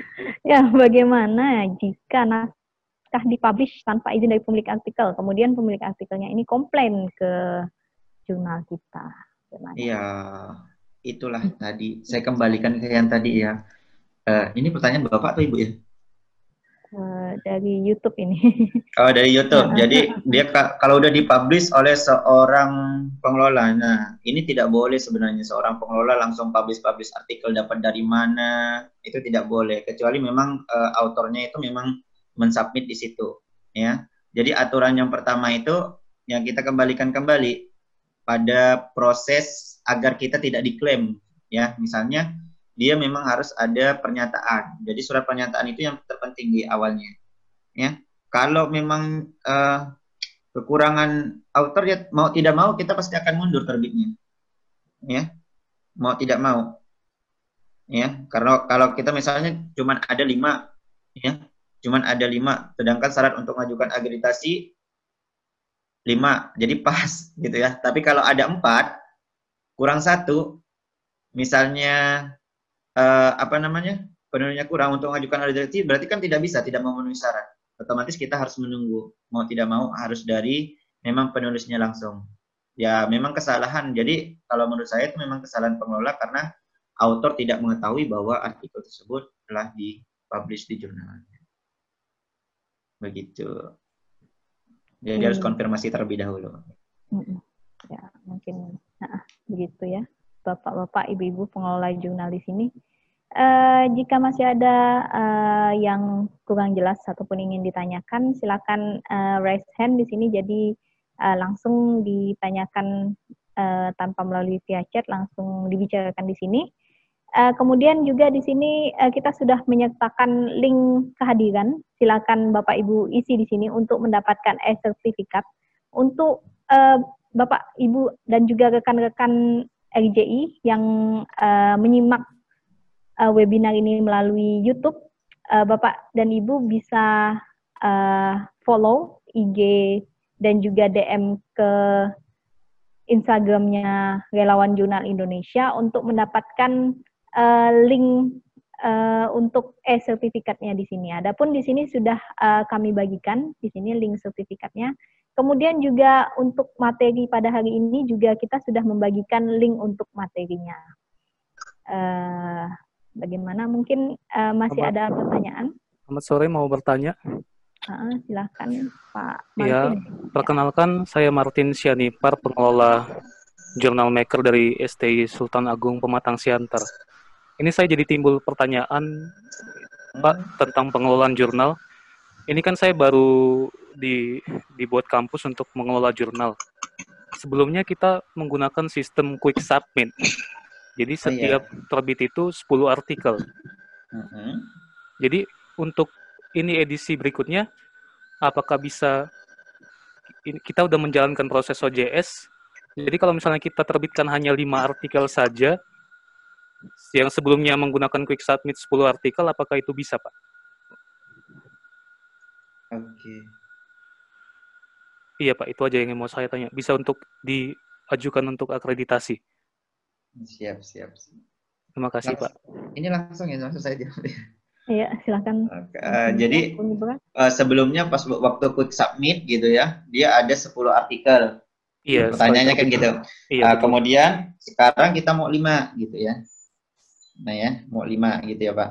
Nah, sebenarnya pada uh, tadi mungkin penjelasan yang pertama kali ya dengan Pak Yudi. Jadi uh, syarat agritasi itu minimal lima lima artikel ya.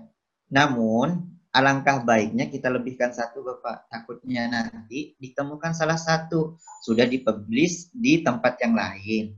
Takutnya begitu loh. Jadi untuk mengantisipasi misalkan 6 atau 7 gitu ya. Itu yang rekomendasi saya yang udah melalui sistem OJS tadi ya. Sedangkan tadi satu pertanyaannya lagi apa Pak?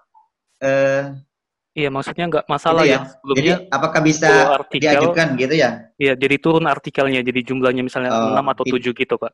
Tidak apa-apa. Jadi tidak apa-apa. Yang penting nanti Bapak jelaskan di artikel history. Jadi ada di historinya. Jadi ada history jurnalnya.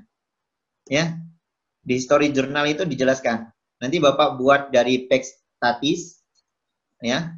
Buat dari page statis, nanti Bapak tempelkan di bagian des uh, di home, kalau nggak di home nanti atau di bagian menu di tampilan atas tulis dari history jurnal. Jadi history jurnal itu menjelaskan kapan pertama kali terbit misalnya, kemudian apa yang mengalami perubahan misalnya cover atau apa gitu ya. Kemudian dijelaskan uh, terbitannya berubah misalnya dari empat menjadi dua gitu kan dalam satu tahun misalnya. Kemudian dijelaskan lagi uh, ada perubahan jumlah misalnya jumlah artikel yang diterbitkan. Misalnya pas waktu pertama itu kenapa? Alasannya di situ dijelaskan ya di history jurnal ya pak. Baik pak. Terima kasih pak sudah jelas ya sama-sama. Ya mungkin ada lagi dari bapak ibu lainnya yang uh, masih penasaran tentang bagaimana mengelola jurnal ilmiah ataupun uh, bagaimana cek uh, mendelay mengoperasikan mendeley ataupun cek similarity-nya bisa ditanyakan di sini. Kita ya. masih ada waktu. Mau izin masuk moderator?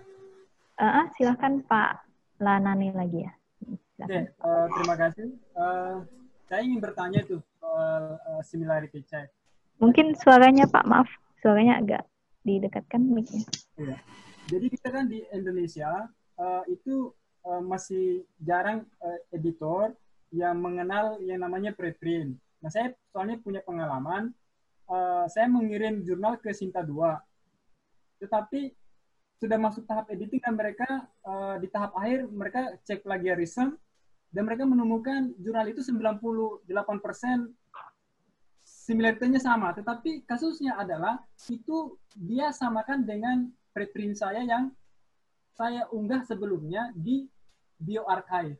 Nah, lalu mereka menolak. Begitu, Pak.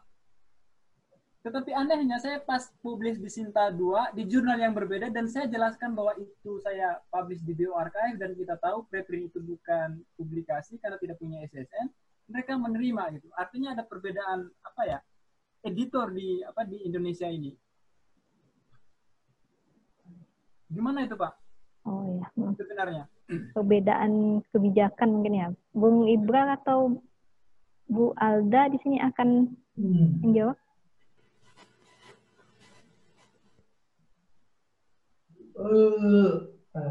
Silakan Bu okay. Alda. Oke okay, ya, jadi uh, udah tahap akhir baru dicek lagi plagiatnya gitu ya Pak Lanane ya? Iya, itu sudah editing itu Pak. Mm -mm.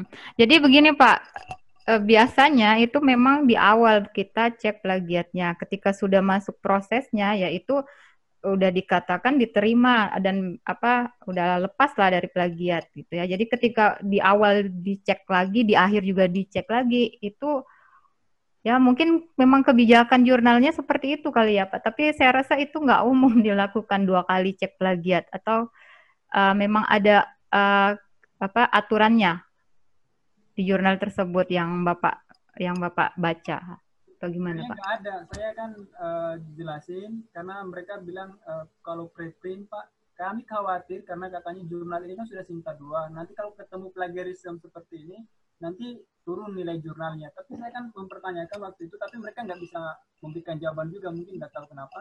Oh iya. Uh, bahwa preprint itu Pak di kebijakan Elsevier dengan misalnya Springer itu ada itu. Preprint itu kayak bioarchive atau art archive itu bukan publikasi dan kalaupun top 100% similaritasnya ya pasti karena uh, itu adalah preprint dan itu tulisan saya. Jadi similarity check itu harus di apa di dinilai. Ketika persentasenya tinggi tunggu dulu gitu. Harus dilihat ini jangan-jangan tulisan dia di preprint gitu. Atau okay. seperti itu. Tapi mereka nggak memberikan jawaban juga. Akhirnya saya bilang oh mungkin Indonesia uh, pandangannya soal preprint mungkin belum sampai ke open science begitu. Oke, jadi kalau saya sih uh, belum punya pengalaman gitu ya Pak, karena yang saya pegang juga Sinta 4 dan aturannya nggak seperti itu. Mungkin dari teman-teman narasumber yang lain punya pengalaman uh, yang mengelola jurnal Sinta 1, Sinta 2, apakah memang mekanismenya seperti itu atau bagaimana? Mungkin Bung Ibra ataupun Pak Elmansyah di sini ada ingin berbagi? Ya, silakan Pak Elman Syah. Boleh kan? Iya, uh, menggunakan Biasanya kalau setahu saya sih, kalau untuk cek plagiarism itu biasanya di awal sebelum di, diserahkan ke ya. apa reviewer. Karena kalau kita sudah sudah serahkan ke reviewer kemudian uh, sudah diedit, sudah direview, sudah dimasukkan tinggal terbit kemudian baru cek plagiarism itu aneh juga sih. Tapi biasanya itu e, namanya pengelola jurnal ya. Jurnal itu kan ya banyak kebijakan-kebijakan tertentu yang diserahkan kepada pengelola tersebut. Sehingga agak sulit juga kita untuk membuat ini harus sama begini semua gitu kecuali ada aturan resmi dari uh, dari kementerian atau yang bagian sub pengelola uh, publikasi di Kemenristek Dikti. Sejauh ini saya belum melihat aturan itu. Cuman umumnya itu biasanya di awal. Tapi kalau ada kasus yang kayak gitu tadi itu, uh, saran saya sih cuma satu sebenarnya. Pendekatannya dengan ini, dengan pengelola jurnalnya itu aja. Baik, terima kasih. Itu yang bagus itu, Pak. Oh, tanya sekalian, Mbak. Nih. Oh ya, silakan Pak Kohil. Ya, tentang plagiarisme. Kalau misalkan kita submit ke jurnal A, ternyata setelah cek Turnitin itu plagiasnya 27 persen. 10 persennya itu dari artikel kita yang disubmit di jurnal lain sebelumnya gitu. Apakah yang itu termasuk plagiat juga? Padahal kan dari artikel kita sendiri, Pak, gitu. Halo? Dari artikel sendiri, Pak ya? Oke, dari artikel, artikel sendiri yang sudah publis di jurnal yang lain gitu.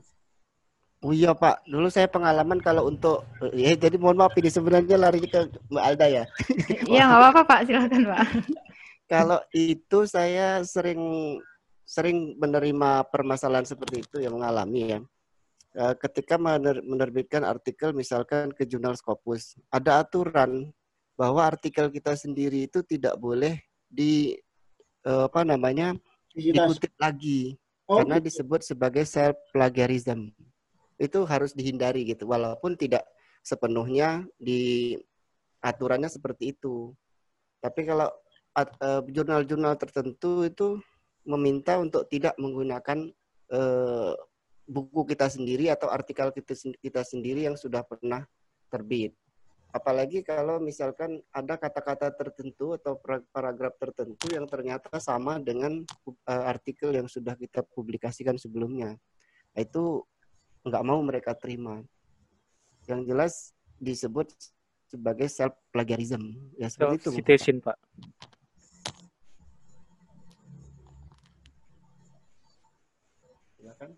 Oke, makasih Pak. Ya, terima kasih uh, Pak Eman Syah, Bu Alda, dan juga Bung Ibra di uh, siang hari ini. Uh, masih ada pertanyaan? Mungkin Izin bertanya. kita masih ada waktu sekitar lima menit. Silakan Pak Rodi ya. Pak Rodi ya, terima kasih Bu. Uh, perkenalkan saya Rodi, salah satu uh, pengelola jurnal EduCem di FK Puntan. Nah, yang saya ingin tanyakan pertama terkait dengan identiket itu kan, pada saat kita cek dengan identiket itu kan misalnya keluarnya 30 persen, 30 persen tinggi lah gitu ya.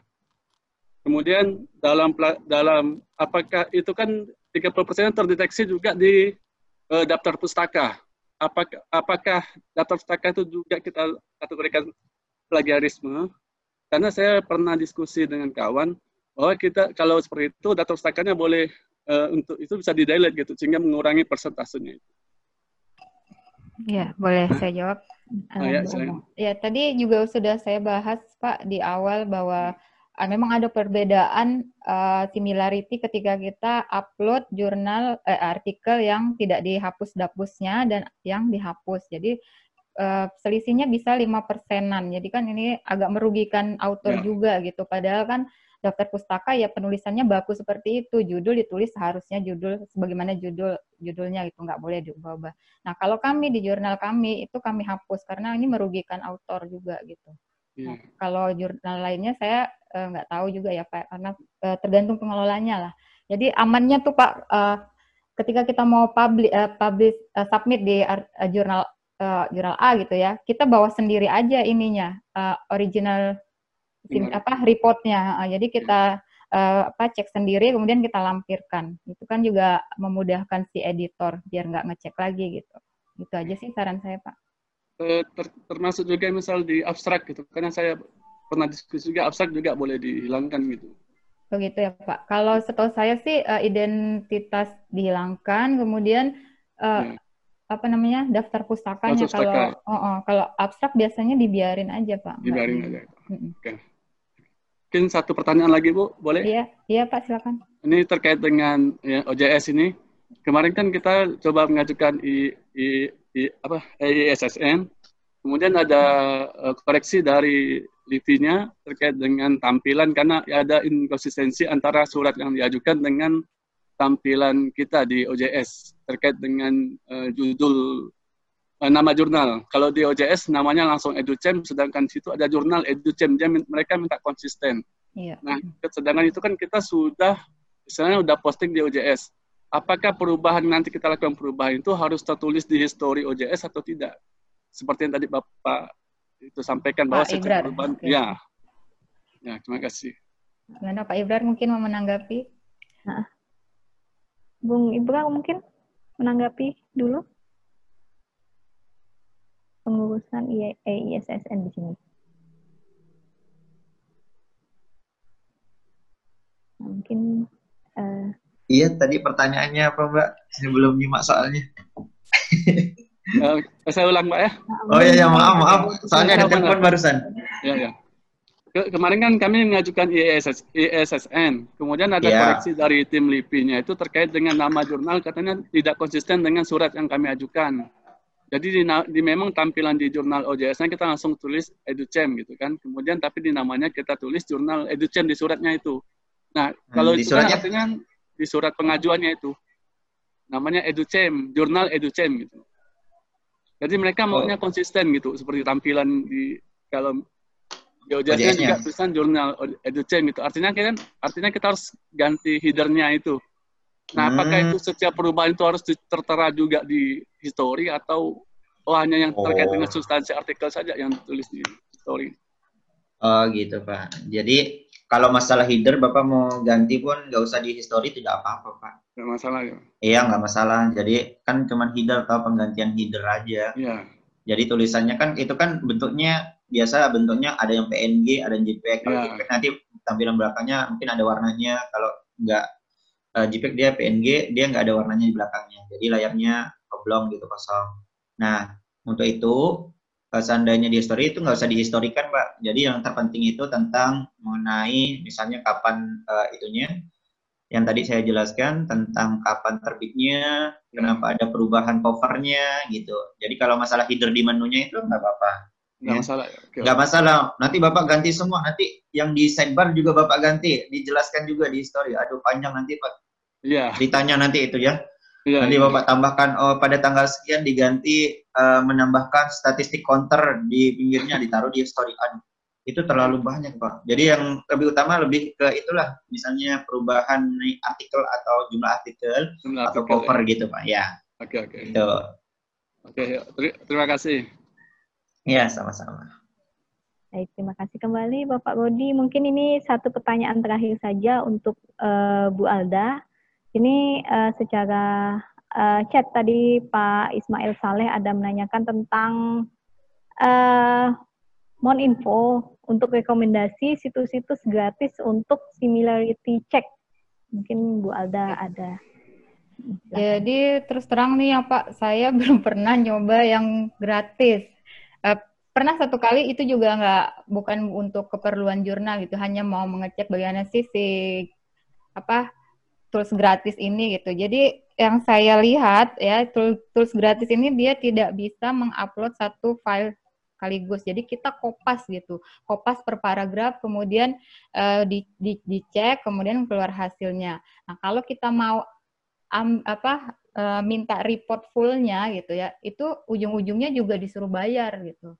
Ya, jadi kalau untuk pengelola jurnal saya sarankan memang nggak pakai yang gratisan ini Pak. Tapi mungkin ada teman-teman narasumber lain yang punya rekomendasi pengalaman saya sih seperti itu gitu. Jadi alangkah okay. baiknya memang dianggarkan untuk yang berbayar itu okay. gimana? Uh, mungkin saya nambahkan ya Mbak. Oke okay, silakan. Oke okay, Ibra. Nah kalau mengenai masalah situs-situs gratis, mungkin Bapak bisa nanti klik di Google ya, di Google cari aja situs uh, apa namanya itu uh, gratis untuk cek plagiat, misalnya plagiarism checker, detecting tool, uh, ada lagi small apa tool, ada TC, nah itu ada semua di situ Bapak. Jadi tingkatnya membedakan antara yang gratis dengan yang premium gitu ya, yang berbayar itu tingkat sensitivitas dan jumlah kata yang akan diperiksakan. Nah, di situ yang membedakan. Nah, jadi kalau Bapak mau pengen gratis ada di situ ya, bisa plagiarism checker ya. Itu ada. Ada lagi nanti ada banyak itu Pak yang gratis. Bapak Ibu tadi yang nanya. Jadi banyak yang gratis. Nanti cek aja di Google itu bisa untuk yang gratisan. Tapi itu kembali lagi tingkat sensitivitas dalam pemeriksaan dan jumlah uh, kata, nah itu yang berbeda, ya, dalam uh, mengecek plagiarism checker. Ya. Terus tadi saya ada baca juga ini yang ada yang bertanya ini ya Mbak kayaknya nih. Nah, setahu saya saat saya publikasi di jurnal reputasi di atas I2 jika plagiarism tidak lebih dari 10%. Uh, kalau itu standar internasional mungkin ya ada ya, tinggi. Mungkin saya bantu jawab ya. Iya, ya silakan. silakan. Nah, itu standar internasional mungkin rata-rata mungkin ya ada yang 15% ke atas. Misalnya uh, maksudnya dari 1 sampai 15% gitu ya. Itu standar internasional. Sedangkan kalau yang 25% kita merujuk pada uh, penilaian dari Kemenristek Dikti. Jadi kalau yang internasional itu ada sendiri lebih rendah, kalau yang uh, nasional itu kita ada rujukan sendiri 25%. Jadi uh, berbeda gitu antara cek plagiat di Indonesia dengan di luar negeri itu memang berbeda tergantung dari pengelola jurnal mau menerapkan yang mana ini. Nah, misalkan kalau di tempat kawan saya itu biasanya 15% ke bawah misalnya di Poltekkes Kemenkes Yogyakarta yaitu di jurnal Teknolab yang dikelola oleh uh, Mr. Budi ya, Budi Setiawan biasanya. Uh, kayaknya beliau 15 persen ke bawah karena beliau ingin mengajar mungkin untuk Scopus nanti ya. Mungkin dia udah beliau udah Sinta dua, udah berbahasa Inggris, nah di situ. Jadi tergantung kita mau ngejar agreditasi yang mana gitu sebenarnya. Ada ketentuan masing-masing. Nah, begitu. Kalau yang nasional ya tadi 25% batasnya. Ini itu aja dari saya, Pak. Atau Ibu. Iya, baik. Uh, terima kasih, Bu. Ini Bu Dewi, maaf ini ada yang chat ya. Pak Risdianto Hermawan menanyakan uh, bagaimana cara agar cek Turnitin kedua itu tidak mendeteksi plagiat cek Turnitin yang ke satu. Sebab setelah cek plagiat yang kedua pada artikel yang sama, tetapi tetap mendeteksi hasil yang ke satu meskipun histori di akun Turnitin sudah di delete. Nah, setahu saya ya Pak Risdianto, uh, alat ini mendeteksi yang sudah dipublish gitu. Jadi dia mengecek kemiripan dari artikel-artikel yang sudah dipublikasikan ataupun uh, apa statement-statement yang sudah dipublikasikan. Jadi dia tidak mengecek ke dirinya sendiri gitu. Tapi saya nggak tahu ya cara kerja Turnitin. Setahu saya Identicat dan alat deteksi yang lain juga seperti itu. Jadi dia nggak akan mungkin mengecek ke dirinya sendiri yang belum dipublikasikan. Setahu saya Pak Ibrar ya per, pakai Turnitin ya Pak. Apakah memang seperti itu Turnitin atau bagaimana? Akan Tur, Turnitin kalau pakai repository setelah pengecekan kedua itu akan bertambah. Kecuali pada pengecekan pertama Turnitinnya disetting dengan no repository maka untuk pengecekan berupa kali pun tidak akan berpengaruh gitu. Kalau di Turnitin begitu. Oke, jadi ada settingannya sendiri ya Pak ya? ada settingannya diri okay. struktur yang yang bisa menyeting itu. Oh gitu. Oke. Okay. Mungkin itu membantu Pak Risdianto Hermawan ya. Baik, terima kasih. Iya, sama-sama. Sama-sama Pak.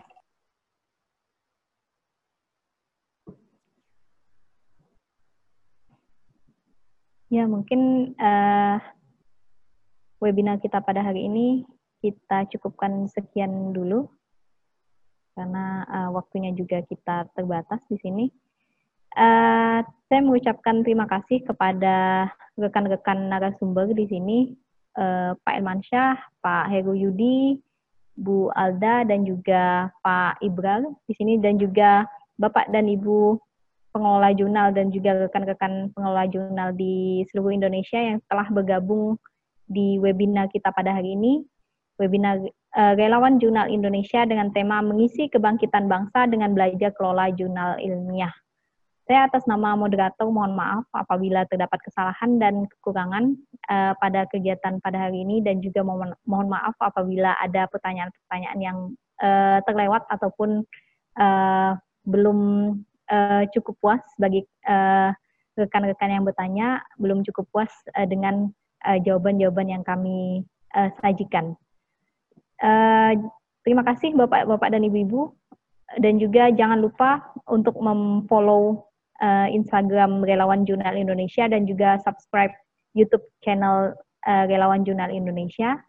Uh, dan juga Bapak-Bapak dan Ibu-Ibu di sini bisa ikuti juga kegiatan uh, RJI selanjutnya.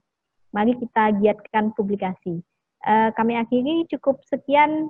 Uh, selamat sore dan Assalamualaikum warahmatullahi wabarakatuh.